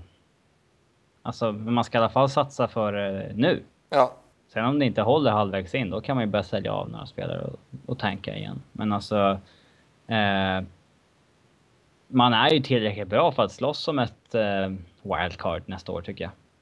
ja, du har en pusselbitar som är bra i Kane och Matt Molson och Eichel och Eichel Ennis. kommer in här och alla eh, unga kidsen som mycket väl kan explodera. Samson Reinhardt kommer väl gå in i AHL. Får göra en right wing också där de har hål igenom hela line-upen. Uh, han kan ju gå in i första kedjan för fan. Eh, sen eh, Johan Larsson visade ju enorm potential i slutet på förra säsongen. Så att de... eh, det ser bra ut i Buffalo. Så att... Ja, eh, hö högersidan känns ju jäkligt svag. Ja, där är ju vidöppet för Samson. Men... Eh, alltså Tim Murray är klok. Han kommer göra ett par liksom under radarn signar, signingar i Free Agency. Um, och så kommer de få ihop ett ganska gediget lag tror jag. Go for it. Mm. Nej, som sagt, det känns ju inte som att man ska ta en till uh, skitsäsong liksom. Det, Nej, det kan man inte göra. Då, fan, då tappar man ju all heder. Tim Murray bryr sig inte om sånt där. Nej, men eh, Nej. man kommer ändå göra det. Ja. Vänta bara, de ta- tankar igen och så blir jag av med första eller missar första valet. Sen nu så tar vi steget ner till AHL och eh, vilka framträdande AHL-spelare kan ligga närmast en NHL-plats kommande säsong? Det känns ju lite som att, eh, vi var inne på det lite tidigare, men det finns ju ett gäng spelare i Grand Rapids Griffins till exempel, Mm. eh, som då ska upp i Detroit. Eh, och det var några av dem som var rätt duktiga ju. De, de känns ju rätt... Det känns rätt uppenbart att nämna liksom en Ferraro och Pulkinen som vi gjorde tidigare och sen har de ju en Andy Miel eller Mile. om man nu ska Andy. Mealy. Ja. Mm. Det är ju en... eh, Det, Arizona. ja, det är viktigt. Fick in det Eh. också. Men det är ju en kille som de signar för att ha som första center i AHL. Han kommer inte få några fler NHL-chanser. Men man vet, det, man vet ju aldrig heller när det har kommit in en helt ny, eh, alltså nya coachen han kommer därifrån. Ja, men jag tror fan inte det. Ja, jag, jag vet inte. Viktor Arvidsson tror jag kan få chansen i Nashville. Mm. Borde till och med få chansen i Nashville. Nej, Jag tror ju, alltså Jordan Wheel kommer nog uh, ligga bra till för en plats i Kings i alla fall. Han har gjort det Ja. jäkligt bra med, med Manchester. de behöver några billiga kontrakt med det. Ja, sen får man väl se också. Jag tror väl att de har väl... Jag kommer inte ihåg om det är Michael Murch eller om det är Brian O'Neill. Men ja, det är ju de tre som ligger i toppen just nu av eh, poängligan i playoffet här. Eh, Där Monarchs... Så står det fortfarande 2-0 i matcher till Monarchs. Vet ej. Nej. Sen, eh, ja. Sen är det väl alltså några som är... Nick Shore tror jag kommer ta en plats. Han var ju redan uppe och spelade en del matcher för Kings. Och en sån Shane Prince i uh, Binghamton kanske släpps upp i åtta va? De, eh, Tror, tror jag Sven Berchi. han är svår alltså, han är riktigt svår. Det, han behöver nog göra ett jäkligt bra camp tror jag. Ja, Sen har du, har du med Oskar Lind, Finns det någon chans att Oskar Lindberg får chansen? Eh, ja, det kan jag väl tycka. Jag har inte Det- sett han på två år, men han kan ju omöjligt vara sämre än typ Tanner Glass liksom. Nej, han har ändå gjort bra siffror och eh, som vi pratade lite tidigare, de kan ju behöva något billigt kontrakt också. Mm. Eh, jag tror eh, en spelare som jag tror kan vara rätt intressant är Matt Murray. eh, Målvakten Pittsburghs i. Pittsburghs mm, ja. Jäklar, har gjort, var jag tvungen eh, att gapa det. Vad sa du? Nej, jag var Robin tvungen att gapa det. Ja, han blev så exalterad. Mm. Nej, men han har gjort det skitbra. Ja, synd om dig. men han har gjort det skitbra i, eh, i AHL ju och slog väl några rekord och höll nolla och så här grejer liksom. Eh, Så han kan man mycket väl lyfta upp för att ersätta Thomas Geis till exempel. Ja. Ja, och sen Jakob Markström har vi pratat om tidigare. Men det, är Ja, också han har ju givet en, alternativ. det är ju en av få målvakter som jag tror kan ha en chans här.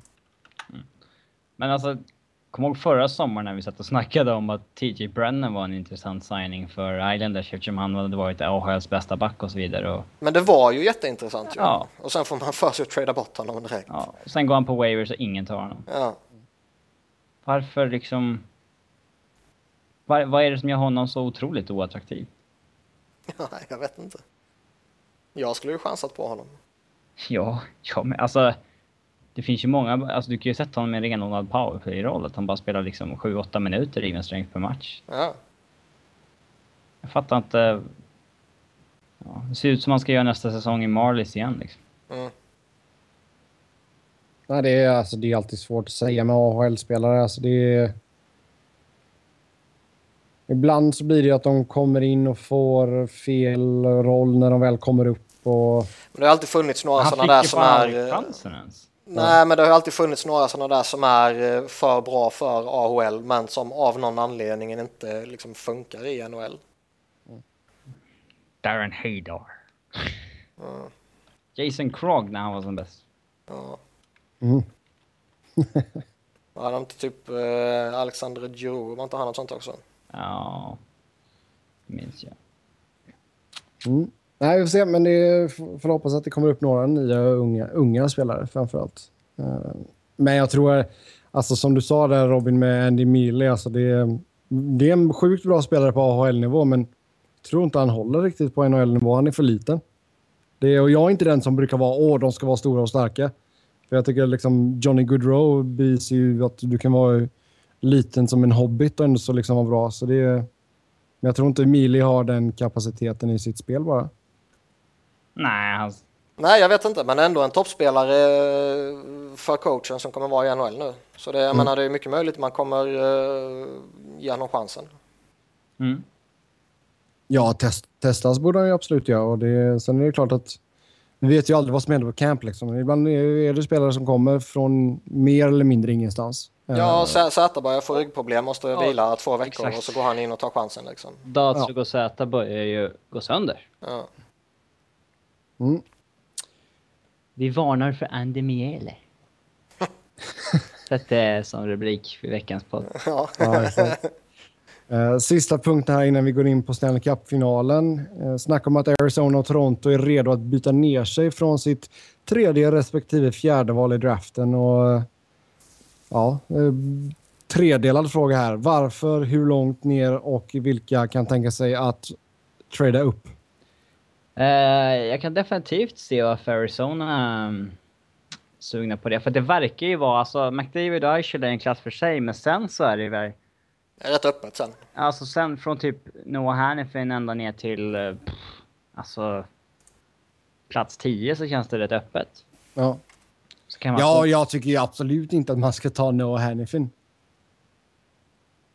ja, det Det, nej, det tycker jag inte. Alltså det, man har tillräckligt med bra backar. Det, ja, drafta inte efter position. Det är ingen bra Jo. idé. Det är ingen bra idé. Ta B, Ja. BSA. Best Swede Available. Alltså det beror väl på lite. Jag, jag, jag ser inte några problem att, att drafta efter position om man känner att eh, nej, de är ungefär lika bra. Då tar vi, ja, vi har ett större behov av backar, då tar vi backen. Mm. Eh, men alltså jag tror jag- eller alltså ska de- eller winger liksom. Det, det har jag inga Ja. problem med. Är det däremot så att det finns en superback tillgänglig men du redan har eh, fyra, fem backprospects, då skulle jag ju Mm. ta superbacken. En, istället för en betydligt sämre forward liksom.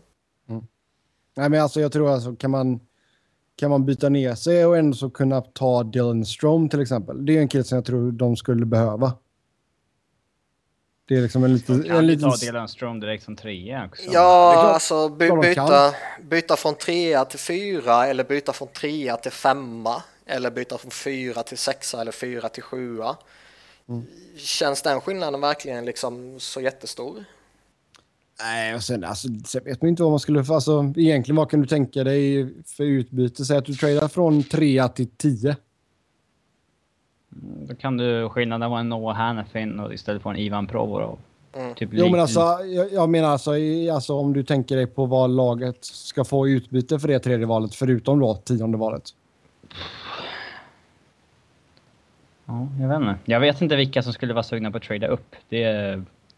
Alltså la, lagen som kan vara intresserade det kan jag Alltså rent, eh, alltså det är väl jätterimligt att anta att lagen som står utan first rounder är det. Mm. Typ, Att de vill eh, trada in, ja. ja. Ja, typ en Pittsburgh eller eh, Nashville dumpade ju sitt till exempel. Rangers har ju inget som vi pratade om tidigare. Men hur lätt är det att trada till sig det valet om man inte har ett annat första val att ge Mm. någon? Eh, nej, då måste man ju offra en spelare.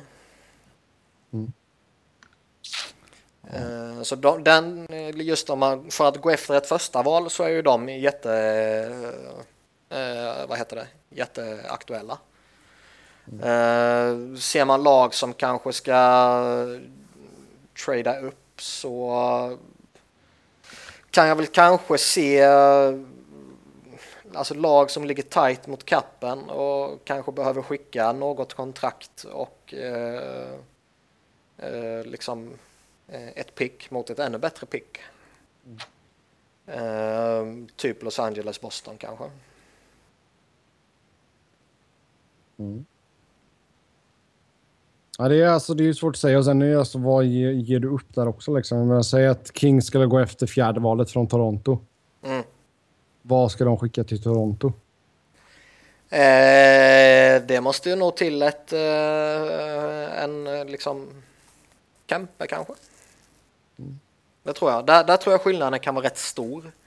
Mm. Eh, alltså by, byta, ta liksom, ta mitt Philadelphia, byta från sjunde platsen till fjärde platsen. Det tycker jag är helt meningslöst och, och offra den tillgången som, som du har. Säg att det skulle vara en second rounder eller någon prospect eller whatever.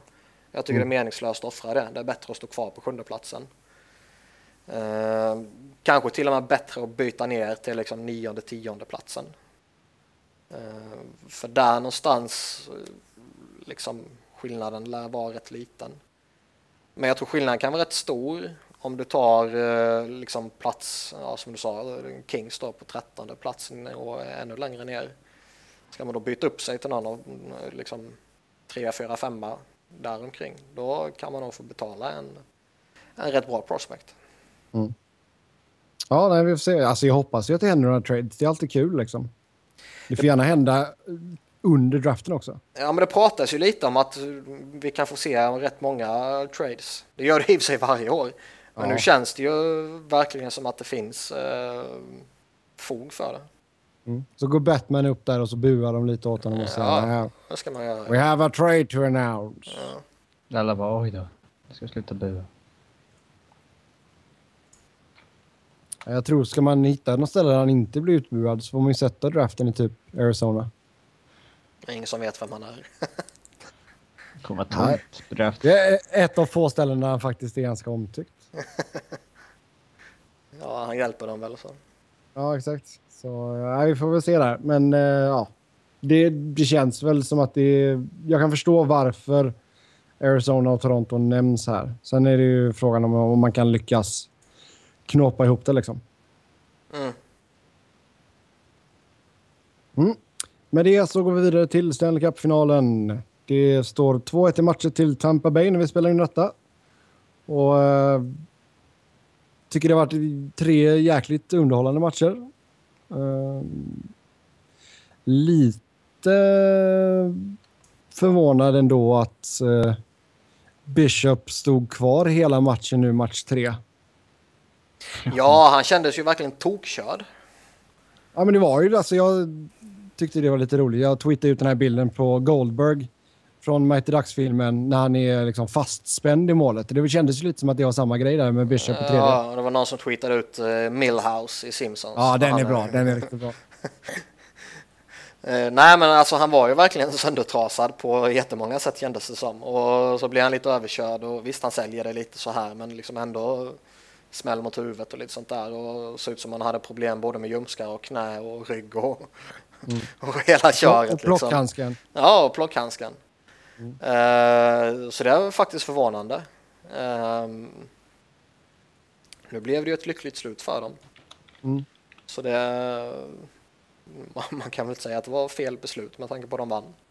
Nej, alltså, Om det jag- nu alltså, inte innebär att han får ännu mer problem så att han inte kan starta nästa match. Ja. Och kanske Nej, inte men alltså, nästa match hur, heller. hur, tror- hur tror du att det påverkade, lag- alltså, påverkar laget någonting när de ser att han kämpar igenom en uppenbar skada? Liksom? Nej.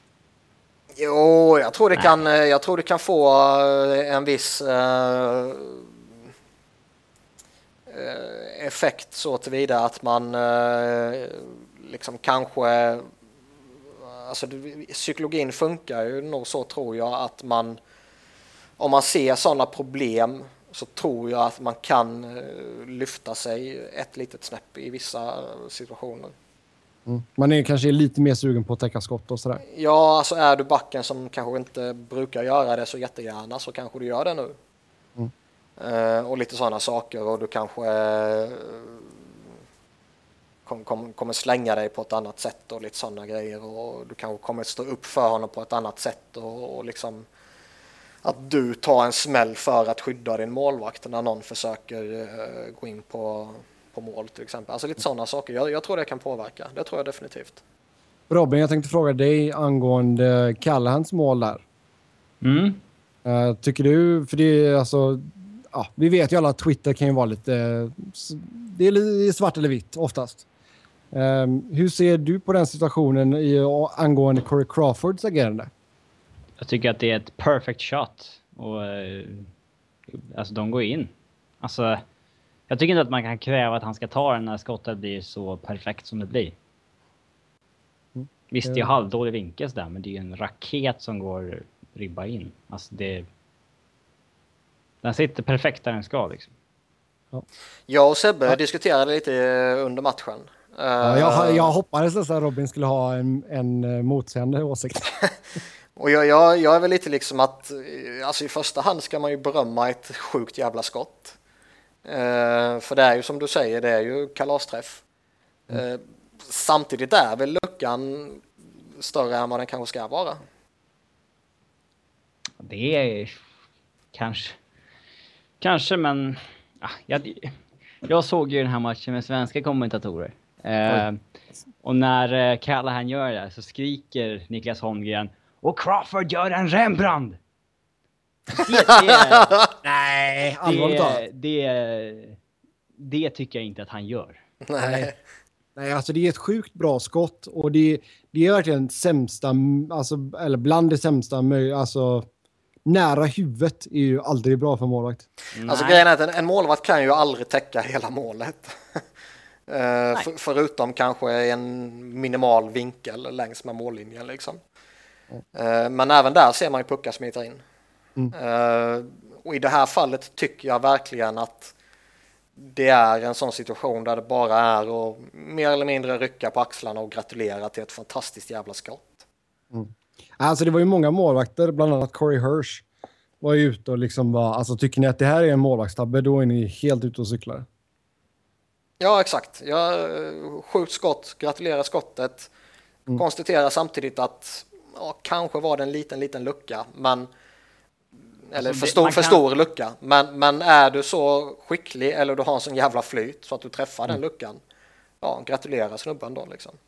Ja, alltså det enda han skulle kunna göra det är ju verkligen att gå ut och verkligen vara mer aggressiv eller om du ska säga liksom gå ut och... Ja, men det går inte att täcka hela målet. Mm. Nej. Så det, han hade kunnat haft ännu sämre vinkel men fått ett perfekt skott och det är inte...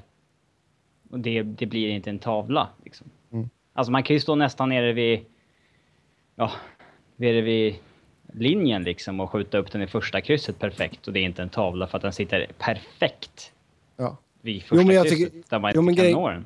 Grejen har ju blivit så här att just nu så känns det antingen som att ett skott är, alltså om vi tittar på sociala medier, så har det blivit antingen är ett skott helt omöjligt att ta eller så är det en tavla. Det är liksom ingen gråzon överhuvudtaget. Jag tyckte inte att det, det Bishop släppte in var en tavla. Eh, tavla tycker jag inte är, men jag tycker eh, det är ett svagt ingripande. Mm. Nej, det tycker jag inte. Det är inget fantastiskt skott och det är inte så att han är eh, superskymd. Jag tycker att han är mer skymd än vad du hävdar. Ja, jag tycker du har fel. Mm. Eh, jag tycker att han bör kunna ha koll på det ha koll på att han... Alltså att han, han bör kunna ha koll på skottet. fighting through the screen. Ja. Äntligen, har, du, äntligen har du lärt dig någonting av Craig Berube. Ja. Nej, jag tycker inte att han ska fighta sig igenom screenen, men jag tycker eh, med tanke på att det är, eh, det är inte så att det är fem spelare som står i vägen. Då säger jag ingenting om sånt här. En men det, liten, liten Andrew Shaw. Ja. Betoning på liten. Ja. Nej, jag, jag, tycker, jag tycker inte det är en tabbe, men jag tycker det är uh, svagt ingripande. Jo, men det, det, det är väl gråzonen egentligen, är det inte det? Ja, typ. Ja. För jag, jag, tycker inte att... Ja, för jag tycker verkligen inte att det är antingen en tavla eller omöjligt att rädda. Ja. Nej, alltså... Det är, alltså... Så funkar ju sportvärlden överlag liksom. Ja. ja, men det är... Jag, jag, blä, säger jag bara. Ja, ja absolut. Men... Uh, På samma sätt som eh, en Hedman kommer göra halvtaskiga eh, saker här och där eller eh, Sidney Crosby gör halvtaskiga saker här och där så kommer ju målvakter göra halvtaskiga saker här och där utan att för den del göra misstag eller tabbar eller liksom Jo, men det är klart att mål, alltså mål, målvakten är ju en så jäkla utsatt, alltså utsatt position så det, Ja. Det blir ju alltid förstorat när, när, när de gör någonting antingen bra eller dåligt. Liksom. Ja, Så det, Men jag menar, man, man kan ju lika gärna prata om Marian Hossa Smith. mm. ja, ja, herregud. När, när Coburn slänger sig och, och trippar honom. Där jag ändå tycker att eh, målet är helt jävla öppet. Den ska han fan kunna peta in liksom. Jag tycker ju det är ett större misstag än Bishops. Mm, det är det. Absolut. När du sa Hedman så tänkte jag först på Magnus Hedman. tänkte jag bara, vad har han gjort för tavlor? Ja, det är nog ett par. Kan du tänka på Magnus Hedman och inte Viktor Hedman när vi pratar om Stanley Cup-finalen. Nej, men i och med att vi var inne på tavlor. Ah. Ja. Finns ingen större tavla än David Seaman ändå. Käften. Fick in den med. Ehm, om vi tittar på lagen som är i final här nu. Det är ju två väldigt offensiva lag och med tanke på att ligan är lite av en copycat-liga nu för tiden så eh, kommer fler lag att anamma detta sättet att spela. Jag hoppas det, för det är skoj att se på. Ja, det, har, alltså, det har varit bra tempo på de här matcherna. Alltså. Det har varit Ja. galet kul att se på. Alltså jag, jag tycker det finns eh, en charm i att se de här eh, Idrottsliga prestationerna. Eh, ja, det var inte det jag tänkte säga, men det håller jag med om också. Men jag tycker det finns en charm i att se de här lagen som verkligen lyckas sätta en klockren defensiv och, och liksom eh, klarar av den fullt ut och verkligen eh, blir framgångsrika med den. Jag tycker det finns en charm i det. Men, eh, och det finns en beundran i det också givetvis. Men underhållsvärdet är ju hur mycket större som helst när det är sådana här lag. Tampa Bay är väl kanske ligans roligaste lag att titta på nu. Mm, kanske. Och Victor Hedman är världens bästa back. Ja, kanske. Bättre än Lidström.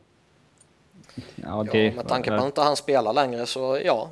ja, det är en konstig jämförelse. Ja, men det, det var en artikel jag läste tidigare idag. Eh, vi, kan lämna, det- vi kan lämna det vid det. Har du din egen eller? Nej, jag har inte skrivit, skrivit någonting om Hedman faktiskt. Ehm, Keith och Hedman är topp tre just nu. ja, jag skulle Ja. säga de är topp två just nu. Ja, om du... Ja, det beror på vad du, vad du menar. Om du menar de som är kvarvarande i slutspelet. så- ja. Nej, i NHL just nu så skulle jag vilja ha Keith och Hedman. Topp tre. ja. Mm. Erik Karlsson nummer ett. Eh, Nja, Nej. Jonathan Taves 0 plus 1. Patrick Kane 0 plus 0. Steven Stamkos 0 plus 0. sample size, tre matcher. Men det är samtidigt nu det gäller. Mm. Det är... It's no fucking tomorrow. Det är bara att köra. Eh, Men de spelar ju imorgon. mm, Så vad men menar det... du? So there is a tomorrow. Ja. Nej då. Eh, det, det är sjukt fascinerande ändå att det är alla tre. Ehm, och man undrar ju någonstans om finalen kommer avgöras beroende på vem av de här som kanske kommer igång. Ja, så skulle man väl kunna lägga sina pengar på. Mm. Eh, så är det ju. Eh, det, Taves måste ju upp och leverera, Kane måste också leverera. Eh, Tampa klarar sig ju lite bättre utan Stamkos så länge trillingarna fortsätter leverera som de gör. Jag tycker också att Stamkos liksom har under det här slutspelet kanske exponerats för att han inte är liksom topp, topp, topp, toppklass vad det gäller liksom Han är en spelare. Ja, han är världen elitskytt, men som spelare, alltså... ja, Första linespelare med den extrema spetsegenskapen, men han är inte liksom en dominant spelare. Framförallt kan jag väl känna lite också att han eh, har väl exponerat, som man säger så, eh, lite av att han inte har en förbannat skicklig playmaker jämte sig längre. Mm. Vilket han Nej. hade med Marty St. Louis till exempel. Nej. Han gör ju rätt jäkla mycket mål för att inte ha det. Ja, Eh, verkligen. men, han är ju eh, inte dålig på något sätt, det är inte det jag menar. Och det är nog inte det du menar heller. Nej. Men eh, man ser ändå lite av det, det tycker jag. Mm. Att de inte har hittat liksom... Ja, hans kedja än liksom. Ja. Efter, efter. Louis. Mm. Tanken är väl att det blir Jonathan Drouin när det är nästa säsong antar jag. Ja. Men Taves och Kane då? Det är de... de är inte dåliga spelmässigt, men det handlar ju om att producera nu när det är final. Det är bara det som förväntas av dem och jag är fortfarande förbryllad över att Taves kallas Captain Clutch liksom när han har gjort två mål på 15 Stanley Cup-final nu. Liksom, när, när fick han smeknamnet? När, alltså när... Var kom det ifrån? Eh, det var inte jag som gav honom det, så jag har ingen aning. Nej, inte jag heller. Det, det, är konst, det är extra förbryllande när folk säger att han är bäst i världen just för att han har klatschförmågan. När han inte har, alltså det som ofta syftas på klatschförmågan, att man gör extra mycket mål när det är final eller slutspel och så vidare. Ja. Förbryllande, tycker jag. Mm. Han står väl ut, han gör ju vissa, alltså han gör ju vissa viktiga mål och när han... Slutet på matcher ofta. Ja, men låt mig prata klart nu. Han gör ju vissa viktiga mål och när han väl gör det, då hypas han ju något så fruktansvärt. Ja, så är det alltid med... Med de här stora liksom. Ja, the Canadian boys. Ja. Så jag menar, jag, jag tror ju snarare det är så att när han väl gör det så överhypas han och han överhypas så pass hårt så att eh, det blir en vedertagen sanning liksom. Mm. Så. För, det, för det, är, det är inte så att han aldrig gör viktiga mål. Nej, men han är inte liksom mer clutch än någon annan. Nej, nej. Hur tycker ni att Chicago ska gå vidare? Ska man ha både Kane och Taves i samma kedja? Det där kan man experimentera lite med som man vill tycker jag. För att alla de där stora Sharp och Kane Taves, de är så jäkla samspelta för att alla har ju spelat i samma kedja med varandra någon gång liksom. Mm. Så att det där kan liksom coach Q ha lite magkänsla och para ihop ja, det som känns bäst liksom. Ja, vad fan variera sig från byte till byte och period ja. till period. Liksom, vem är het och vem passar bäst och, och så vidare. Där, mm. där, eh, alltså man behöver inte bestämma sig för att så här ska det vara och nu kör vi på det här liksom. Nej. Hedman har ju plockat bort Taves Kane rätt hyfsat. Mm. Så att kanske testa så här på dem till nästa match. Mm. Mm. Nej, jag, jag tycker det är en kedja med Parkett har ju stått upp jäkligt bra. Mm. När de har varit på isen mot dem. Så nej, vi får se lite. Det är, det är ett litet lyxproblem att ha två så pass bra spelare då. Och sen är det, ska man spela dem ihop eller inte liksom. Det, det är en tuff fråga. Coach Q har lite att fundera på. Um, men det, det är inte direkt så att det hamnar eh, en jävla skitspelare i inte som han tjänar på dem. Utan då kommer ju Marian Hossa in och han är ju lite halvhygglig. Mm, förutom att han missar upp ett mål. Ja, jo, men han är ju bra. ja, eh, två spelare som var i line-upen i Game 3 var ju Brian Bickel och Trevor Van Riemsdyk. Eh, chockpetningen av eh, David Rundblad. Chockpetning? Nej, jag skojar. Men så här, uttrycket var ju det konstiga. Ja. Aftonbladet-grej typ, eller vad säger man, kvällstidningsgrej mm. snarare. Inget ont om Aftonbladet. Uh, inget ont om Aftonbladet. Jo då. Uh, nej. Sorry Per, om du lyssnar på det här. uh, men det, det skriver... Säg inte han som sätter rubrikerna. Nej, nej. Det, kan, det kan man alltid skylla någon annan Simon Bank fick ju, han, är, han skrev ju en krönika om att det kunde, om att fotbollen höll, ja, det var illa till för fotbollen efter ett derby för en herramassans år sedan. Och då satt en rubriksättare rubriken Här dör fotbollen. och det är därifrån det där kommer att media, alltså ni skriver ju bara Här dör fotbollen liksom. Oh, så det är Simon Bank som har fått leva med det där. det var han som satte rubriken Här dör fotbollen. Första gången. Oh, ja. Um, Nej, men att sätta in eh, TVR är ju helt rätt. Ja. Även om han varit borta länge och så vidare så tycker jag ändå att han är bakom de fyra stora backarna deras bästa back. Ja, det är han ju. Men och jag har ju jävligt svårt att se att han under de här förutsättningarna går in och är så jävla mycket sämre än de andra. Däremot eh, ser jag ju att möjligheten för att han är bättre är rätt stor. Han har inte spelat sedan november alltså. Det är... Alltså, Ja, det är ingen idealsits att komma in i. nej, nej, men liksom, hur jävla bra är de andra då? Nej, det säger en del om förtroendet till David Rundblad och de andra. Alltså, Ja, alltså ingen av dem skulle spela egentligen. Och då, då kan du lika gärna slänga in till TVR och, och se vad som händer. För det kommer ju verkligen inte gå sämre. Nej. Men jag tycker det var roligt när folk tyckte det var förvånande att Rundblad var petad. Ja, men det är ju bara trams. Vadå, vilka tyckte det? Twitter. Nice. Det- Menar, du svenskt hockeyfolk eller? Absolut. Saist? Inge, nej, nej, inga amerikanska, herregud.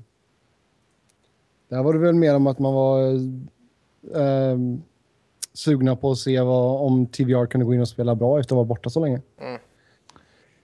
Eh, John Oduya eh, utgick ju och vi vet inte exakt hur det är med honom men eh, Quenville sa väl att det förmodligen är okej liksom. Men eh, vad skulle det betyda för Chicago ifall han inte kan spela vidare? Det är ju mer eller mindre förödande om de tappar någon av de fyra. Ska man nu tappa någon av dem så är det ju han man ska tappa givetvis. Men eh, Johnny Hockey. ja. Men det, det, det är klart att eh, tappa någon av de fyra ställer ju till jätteproblem. Eh, det, Ja, fult det Kutjerov gjorde alltså. Det var ju definitivt med flit. Ja, ja. Och det är ju bra. Det ger dem ju en, eh, en fördel.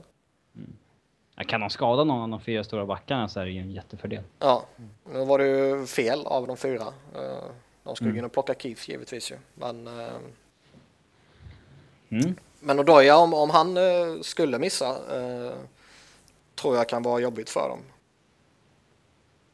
Vad skulle man, alltså, hur skulle ni formera backparen i så fall? Alltså då är det väl att försöka slänga i alltså. Det är väl Komiski som ska promotas då på vänstersidan. Eh, antar jag. Jag vet inte, spelar vi då jag på höger eller vänstersidan oftast? Det är Hjalmarsson som spelar till höger va? Mm. Ja, så det, det är väl en vänsterback som ska upp då. Ant- Antingen så slänger de väl in Timonen igen och hoppas att en vila har gjort honom gott. Eller, eh, eller promotar de Komiski och jag skulle väl luta åt att promota Komiski. Eh, och sen gå ännu hårdare på de tre stora. Det, det, Ja, Keith går in och snittar 45 minuter. nej men det blir en över en halvtimme på alla tre liksom. Ja. Och det, är- det är ohållbart, men vad fan ska de göra liksom? Ja, men rör det sig bara om tre, fyra matcher så. Mm, Då kanske man kan klara Men de, de kan ju, de måste ju vara lite slut nu alltså. De, Ja, man tycker det, men eh, sen samtidigt, eh, alltså, de börjar inte från noll direkt. nej, men det är ändå bara en handfull matcher. Skulle vi prata konferensfinal och Ja, man skulle ha en, liksom, en final framför sig. Jo, men ändå. Alltså fan, du spelar Stanley Cup-final, du har bara några matcher kvar. Då, ska Ja, det är klart att du spela ihop, 30 alltså. minuter liksom. Ja, ja, herregud. Det är klart att de biter ihop och gör det bästa de kan, men jag tror inte så att det kan skada det och alltså när du är ute så jäkla mycket på isen så är det klart att det tar på krafterna och att du kanske inte är lika effektiv i slutet av en match. Nej, det är klart det kan påverka, absolut. Men, men eh, jag menar, det är inte så att de inte kommer klara av det. Nej, nej, nej klara av det, det är klart de gör, men alltså det effektiviteten ko- kommer ju nog att eh, sjunka lite tror jag. Och jag, jag tror inte Ja. Chicago, Chicago vill ju inte att någon av de här matcherna ska gå till eh, en lång övertid i alla fall. Det är en sak som är jäkligt säker. Ja, nej, nej. Sen samtidigt, jag, jag ser ju problematiken som eventuellt kan uppstå av att de här tre spelar riktigt tungt om Odoja är borta är ju en piss i Nilen jämfört med problematiken som finns i att tre andra måste spela. Jo, ja, absolut. Sen Ben Bishop då, vi pratade lite tidigare om honom. Eh, såg eh, riktigt skadad ut vid ett par tillfällen. Det var ju nästan som man ville bara men, ta ut honom nu för guds skull. Eh, Ja, men det kändes ju verkligen som att det där var en sak som kunde kosta dem matchen. Ja, men alltså lite som en sån här skadeskjuten uh, ren eller någonting liksom. Ja. Ja. Men alltså s- säga att Bishop kämpade igenom denna matchen, men nu är han körd liksom. Ja, men det, så är det nog inte.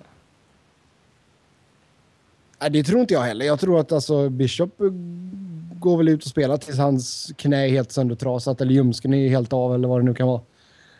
Men eh, skulle man bli tvungen att spela med Vasilevski, hur, hur tror ni det skulle påverka laget? Ja, antingen så... Det, det finns ju liksom... Det finns ju bara två alternativ. Antingen går han in och kan vårda hela skiten för att han kanske är världens största målvaktstalang. Eller så eh, faller de ihop för att han inte är tillräckligt het och inne i det orutinerad. Så att Chicago tar det. Men det han ska göra i det läget då, det är ju att fejka skada och sen att han spelar igenom, spel, spelar igenom det. Jag gör såna här air quotes nu. Um, så att de får samma känsla som att det skulle vara Bishop. Nej. Alltså det är klart att de får en sämre målvakt, men det är ju inte så att de slänger in skräp. Nej. Nej, absolut inte. Det är väl en av de större målvaktstalangerna. Ja. Ja. Men det är klart med tanke på... Klart man, aldrig blir, man vill ju aldrig bli av med sin första målvakt i ett slutspel. Det är ju ganska självklart. Ja, ja, men, men liksom nå, någonstans så ändå... eh, Vad ska man säga?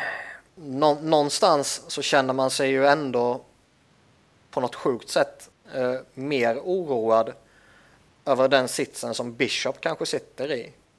Eh, där han kanske inte kan röra sig normalt och han kan inte agera på sättet som han brukar göra och som han behöver göra.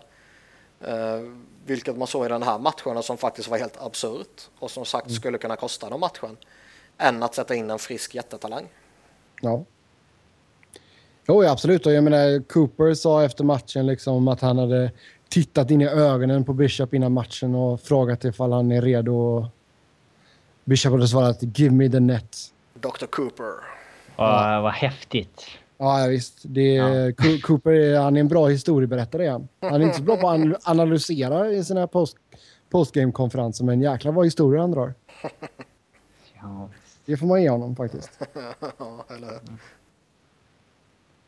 Nej, men alltså det, är, det är klart att målvakterna spelar en jäkla stor roll när, det, är- när du kommer till en Stanley Cup-final. Liksom. Det, det är ofta vi ser att laget med, med bäst målvakt liksom vinner. Um, så vi får se. Alltså, de får väl lägga Bishop i isbad här nu hela dagen och se hur han mår imorgon. imorgon, Liksom. Fast Vas Vasilevski kan ju lika gärna vara bättre än Crawford också. Ja, ja, herregud. Alltså det, återigen, det handlar om tre eller fyra matcher. Mm. Det liksom, du, du kan sätta in nästan vilken målvakt som helst i, i NHL som kan spela på topp i tre, fyra matcher. ja. Mm, nej, spännande. Spännande, spännande. Sen eh, vi kan väl nämna det också att det var väl, eller det blev ett ganska bra surr här borta efter Tampa vann. Just att man lyckades vinna på bortais igen i en väldigt eh, hostile environment, som de kallar det. Hade man inte, var det inte så att man typ tagit mest bortasegrar eller något sånt där nu? Eller var det att man Man- var på väg att ta det? Jag, kommer vet att de, har- de har ju varit bättre på bortaplan än hemmaplan hittills. Ja. Ja, men just det att man har lyckats vinna borta mot New York, man har lyckats vinna borta mot Montreal. Det, Ja, det är inga klart att lätta arenor att det- komma till. Nej, nej, nej, herregud. Det, det är väl tre av de värsta liksom. Vad, på tal om arenan, vad, vad tycker vi om att det här eh, att eh, de inte riktigt vill eh, sälja biljetter till eh, vem som helst och att, man inte får vara klädd hur som helst? Alltså kläd, klädselgrejen var väl endast typ så här VIP och loungebiljetter tror jag. Eh, I alla fall i Tampas fall. Ja, det är väl bara Eh. Tampa som har gjort det, eller har Chicago gjort det också? Nej, jag tror bara det är Tampa som har gjort det. Ja. Annars skulle vi nog ha hört om det. Men alltså, nej. Alltså överlag tycker jag vem fan som helst ska få köpa en biljett om de har pengar liksom. Ja, det är Det- så jävla barnsligt. Ja, jag menar det är ju inte så att... Alltså om något så skulle de ju tjäna, så tjänar ju staden mer på att det kommer folk utifrån. Jag menar då är det hotell, det är flygbiljetter, det är liksom matchbiljett. Men det skiter ju lagen i. Jo, jo, jo. Men jag, jag tycker ju, du ska inte banna folk från att köpa biljetter. Nej, jag tycker det är riktigt barnsligt och dåligt. Jag förstår mig inte på amerikanska läktarkulturen överhuvudtaget. Jag, Alltså man, man, man skulle ju kunna liksom förstå det om det skulle varit slagsmål och grejer på läktarna titt som tätt och, och så här. Men det är det ju inte alls ofta. ja. Så det, nej, jag, tycker, jag alltså, tycker är bara det är ju jävla barnsligt och udda. huligan- Det är ju det är ingen huligankultur i, amerikansk hockey, det är det inte. Nej, visst, Sen är det folk, klart att- folk slåss ju, men eh, det har ju folk överallt. Det är, det är ju väldigt sällan och för det mesta så är det ju bara massa snack och väldigt lite verkstad. Kasta popcorn på varandra och sånt där. Det- Ja, och säger, de säger de är jäkligt kaxiga amerikanerna när det kommer till att snacka trash talk liksom. Det har varit slagsmål på 50 av alla hockeymatcher jag har varit på i eh, NHL. Ja, men du har åkt till Philadelphia också. Philadelphia och New York. Ja, det, är- det är väl mer talande om eh, deras eh, kultur som städer skulle jag vilja säga. Ja, kan, Eh. kanske. Mm. City of brotherly love my ass. Boston var gärna... var, Ja, Boston, Boston kan vara ganska tufft också. Ja, Nej, men alltså det, det, nej, jag tycker det är fel. Alltså det, det är inget bra alltså meddelande eller message då för, för sporten i, i, i allmänhet om lagen ska gå in och börja diktera vem som kan och inte kan köpa biljetter. Alltså man skämmer ju ut sig själva, det är ju det. Jag tycker liksom, fattar man inte det när man, när man gör en sån här grej? Jo, men alltså det, och det du gör egentligen det är ju bara att du flyttar försäljningen av biljetter till svarta marknaden. Ja, typ. Men, men liksom, jag tycker ändå det är fascinerande när man sitter i någon jävla konferensrum och så tänker man, ja, men borde vi inte göra så här? Och så säger någon annan, jo det borde vi göra. Är det ingen som tänker, okej vad kan hända om vi gör så här? Mm. De måste ju vara så pass intelligenta så de fattar att okej det här kommer ge sådana sjuka rubriker. Och vi kommer bli så uh, hånade och folk kommer titta ner på oss. Är det verkligen det vi vill? Så där gör vi Alltså- i Sverige. Ja, att du har en tilldelad... Ja, men då, det är ju en lite annan grej också, för i Sverige har du ju liksom en... Du har ordent- bortastå en- och har hemmastå liksom. Ja, exakt. Du har en rikt... eh, Nu ska vi inte Mm. Sen så banka kör, ner sen för så mycket kör på man, amerikanska fans. sen så kör man sittplats endast för medlemmar av hemmalaget eh, till ett visst datum. Ja, exakt. Nej, Men men alltså, man, man du, kan inte köpa biljett på bortaläktaren. Liksom. Att, du har ju inte, du har inte alltså, klackkulturen i, amerikan, eller i nordamerikansk hockey. Det är ju det, va? den är lite bristfällig, ja. Den är väldigt bristfällig. Eh, och det, det är ju en helt annan... Vi skulle kunna sitta här i timmar och prata om supporterkulturen och att man måste uppmana folk till att klappa och allt sånt där skräp. Liksom. Men, Make Eh. some noise! ja, ja, visst. Nej, men alltså, när, vi, när, när, jag var, när jag var på matchen i Anaheim mot eh, Calgary alltså, och någon försöker dra igång vågen, jag bara nej. Det, det, det är då det blir slagsmål. Ja, li, lite så. Då är det liksom, jag bara nej, nu sitter du ner. Ehm, nej, men det, det, alltså, det finns ju ingenting som är värre än vågen nästan. Det, Andra borde- det sidan borde ju ban- är ni klara. det, ja, den är dålig också. Men Den är riktigt kass. Vågen borde ju definitivt bannlysas. Ja. Men vad tycker ni om eh, alltså Chicagos tradition att bara gapa igenom nationalsången? Jag har inte ens märkt att de gör. Eller ni, får, ni, får ni se den förresten? På- på Ja, svenska? ibland. Okej. Nej, för i Chicago kör man ju alltså att de har ju någon kille som gormar eh, nationalsången. Han, jag tycker inte han är bra. Men det, det spelar inte någon större roll för publiken för ju så otroligt mycket oväsen. Ja, jag ser ingen charm i det liksom. Nej, Jag, tycker- jag tycker alltså det är ju inte för att jag bryr mig speciellt mycket om, om amerikanska eller kanadensiska nationalsången men alltså skulle någon ställa sig och börja gorma under svenska nationalsången då hade jag ju sagt till dem att hålla käften. Men det är väl, ja, nej, jag, jag tycker det är liksom. Jag har svårt att se vilket syfte det fyller liksom. För man, alltså skulle, skulle det finnas, det var lite som vi sa tidigare med läktarkulturen här hemma. Så, så skulle man ju kunna, om det skulle fungerat likadant där, så skulle den ju kunna vara en grej för att pumpa igång klacken inför matchen liksom. Eh, men det finns ju inte. Nej, nej, det är ju bara oväsen. Så det, ja, alltså nej, jag tycker det, nej, jag ser ingen funktion med det. Vi har säkert några hardcore Chicago-fans som lyssnar så ni får jättegärna skriva i kommentarerna och förklara detta för oss. För jag, vet, jag kan inte säga att jag vet eh, backstoryn till detta.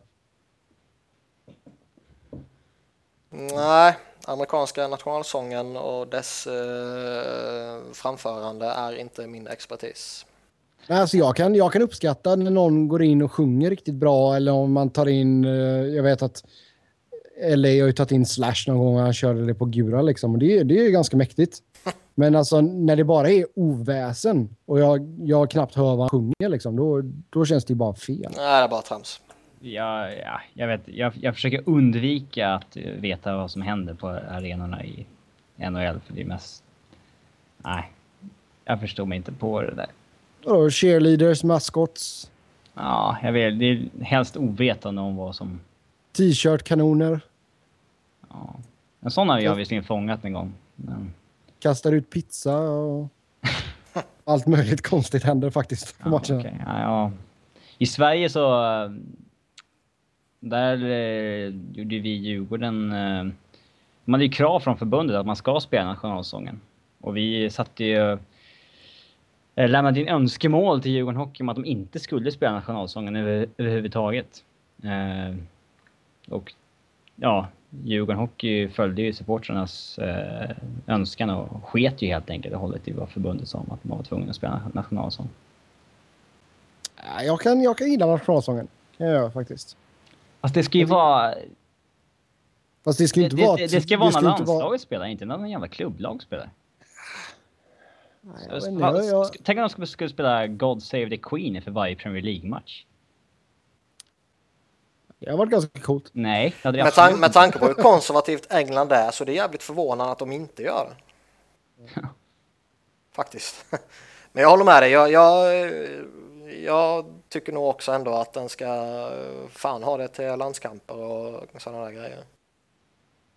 Mm. Så att det blir en grej av att det är att man drömmer om att ha landslagströjan på sig och höra nationalsången snarare än att Ja, det är i var- varenda NHL. Jo, men det, det, är väl liksom. sä, det är väl säkert en helt annan feeling. Vi får väl ta och prata med någon spelare här och fråga dem. Sen är det väl, det är väl rätt stor skillnad också. Alltså det patrio, alltså vad säger man? Patriotismen Ja, ja, som finns i, ja. ja, Ja, ja, i, herregud. i USA framför allt och i Kanada också. Är betydligt större del än i Sverige känns det som. Ja, ja, alltså, du kan ju se, du ser ju alltså, bilar som åker runt med USA-flaggor på och allt möjligt. Det skulle Ja. jag aldrig se hemma. Liksom. Nej, nej, den är ju jätteskillnad ju. Så där finns det väl en, eh, en rätt naturlig förklaring då till att de har nationalsånger. Ja, men det, men det är som du säger, det kommer ju bara helt... Alltså, det är ju en helt annan grej i kulturen här med att vara patriotisk jämfört med vad det är att vara patriotisk hemma. Nu har inte jag bott hemma i Sverige på nästan tio år nu, men... Alltså, du börjar det- tappa språket lite, eller vad? Ja, Ja, exakt. Jag, jag blir som Victoria Silvstedt när hon har varit borta en månad, vet du. Då jäklar. Ja. Uh, nej, men och alltså, kommer det- ni ihåg VM-studion när hon var med? Nej. Tack gode gud så kommer jag inte Vadå för hockey eller fotboll? Ja, hockey-VM. Back in the days. Du kanske är för ung för det Robin. Men Sebbe, du måste komma ihåg det. Nej, Jag har nog förträngt det. 90-talet och där runt omkring. När hon var med i hockeystudion under. VM. Vilket år ska hon- det ha varit? Hon Typ- får ju, hon får ju verkligen sån här asskön fake amerikansk brytning efter... Ja, hon, om hon var borta ett halvår liksom, så kommer hon tillbaka och så pratar hon så här lite. Ja. Va, va, vad gör du liksom? Du Eh, släpper inte din göteborgska. Nej, alltså den är ju säkert mindre än vad den var när jag bodde hemma. Det är nog en sak som är jävligt säkert. Men eh, det är ju inte, det är ju inte så att folk frågar, eller att de undrar direkt vart jag är ifrån ifall jag träffar någon svensk här borta. Utan då hörs det ju fortfarande. Men. Ehm, nej, men alltså det, min poäng var det att alltså, i- i Sverige har det ju nästan varit lite fult att vara patriotisk. Ja, men det orkar jag inte snacka om. Medan här, här är det ju verkligen alltså... Det är ju, Ja, det, går, ju- det går ju inte att jämföra. Det är liksom... Nej. så jag, jag förstår ju varför man kör nationalsångerna. Det, det förstår jag. Ja, Men vårt förslag är lägg ner det. lägg ner skiten. Ja, om du Spela, spela OS och VM och World Cup, då ska det vara det. Men fan. Åka det eh, även om det under vissa eh, situationer kan vara rätt mäktigt liksom. Typ i Stanley Cup-finalen eller någonting. Ja. Men alltså inget... Nej, inte 82 matcher och hela... Omgång 67. Edmonton mot Arizona. Bägge avsågade Ja, från slutspel. är fint. Ja, med det så tackar vi för oss för den här veckan. Som vanligt så kan ni köta hockey med oss via Twitter. Mig hittar ni på @sebnoren. Niklas hittar ni på att Niklas Wiberg, Niklas med C och Wiberg med enkel V och Robin hittar ni på R underscore Fredriksson. Och ehm, ja, ha det gott så länge så hörs vi snart igen. Hej! Hej! Hej då.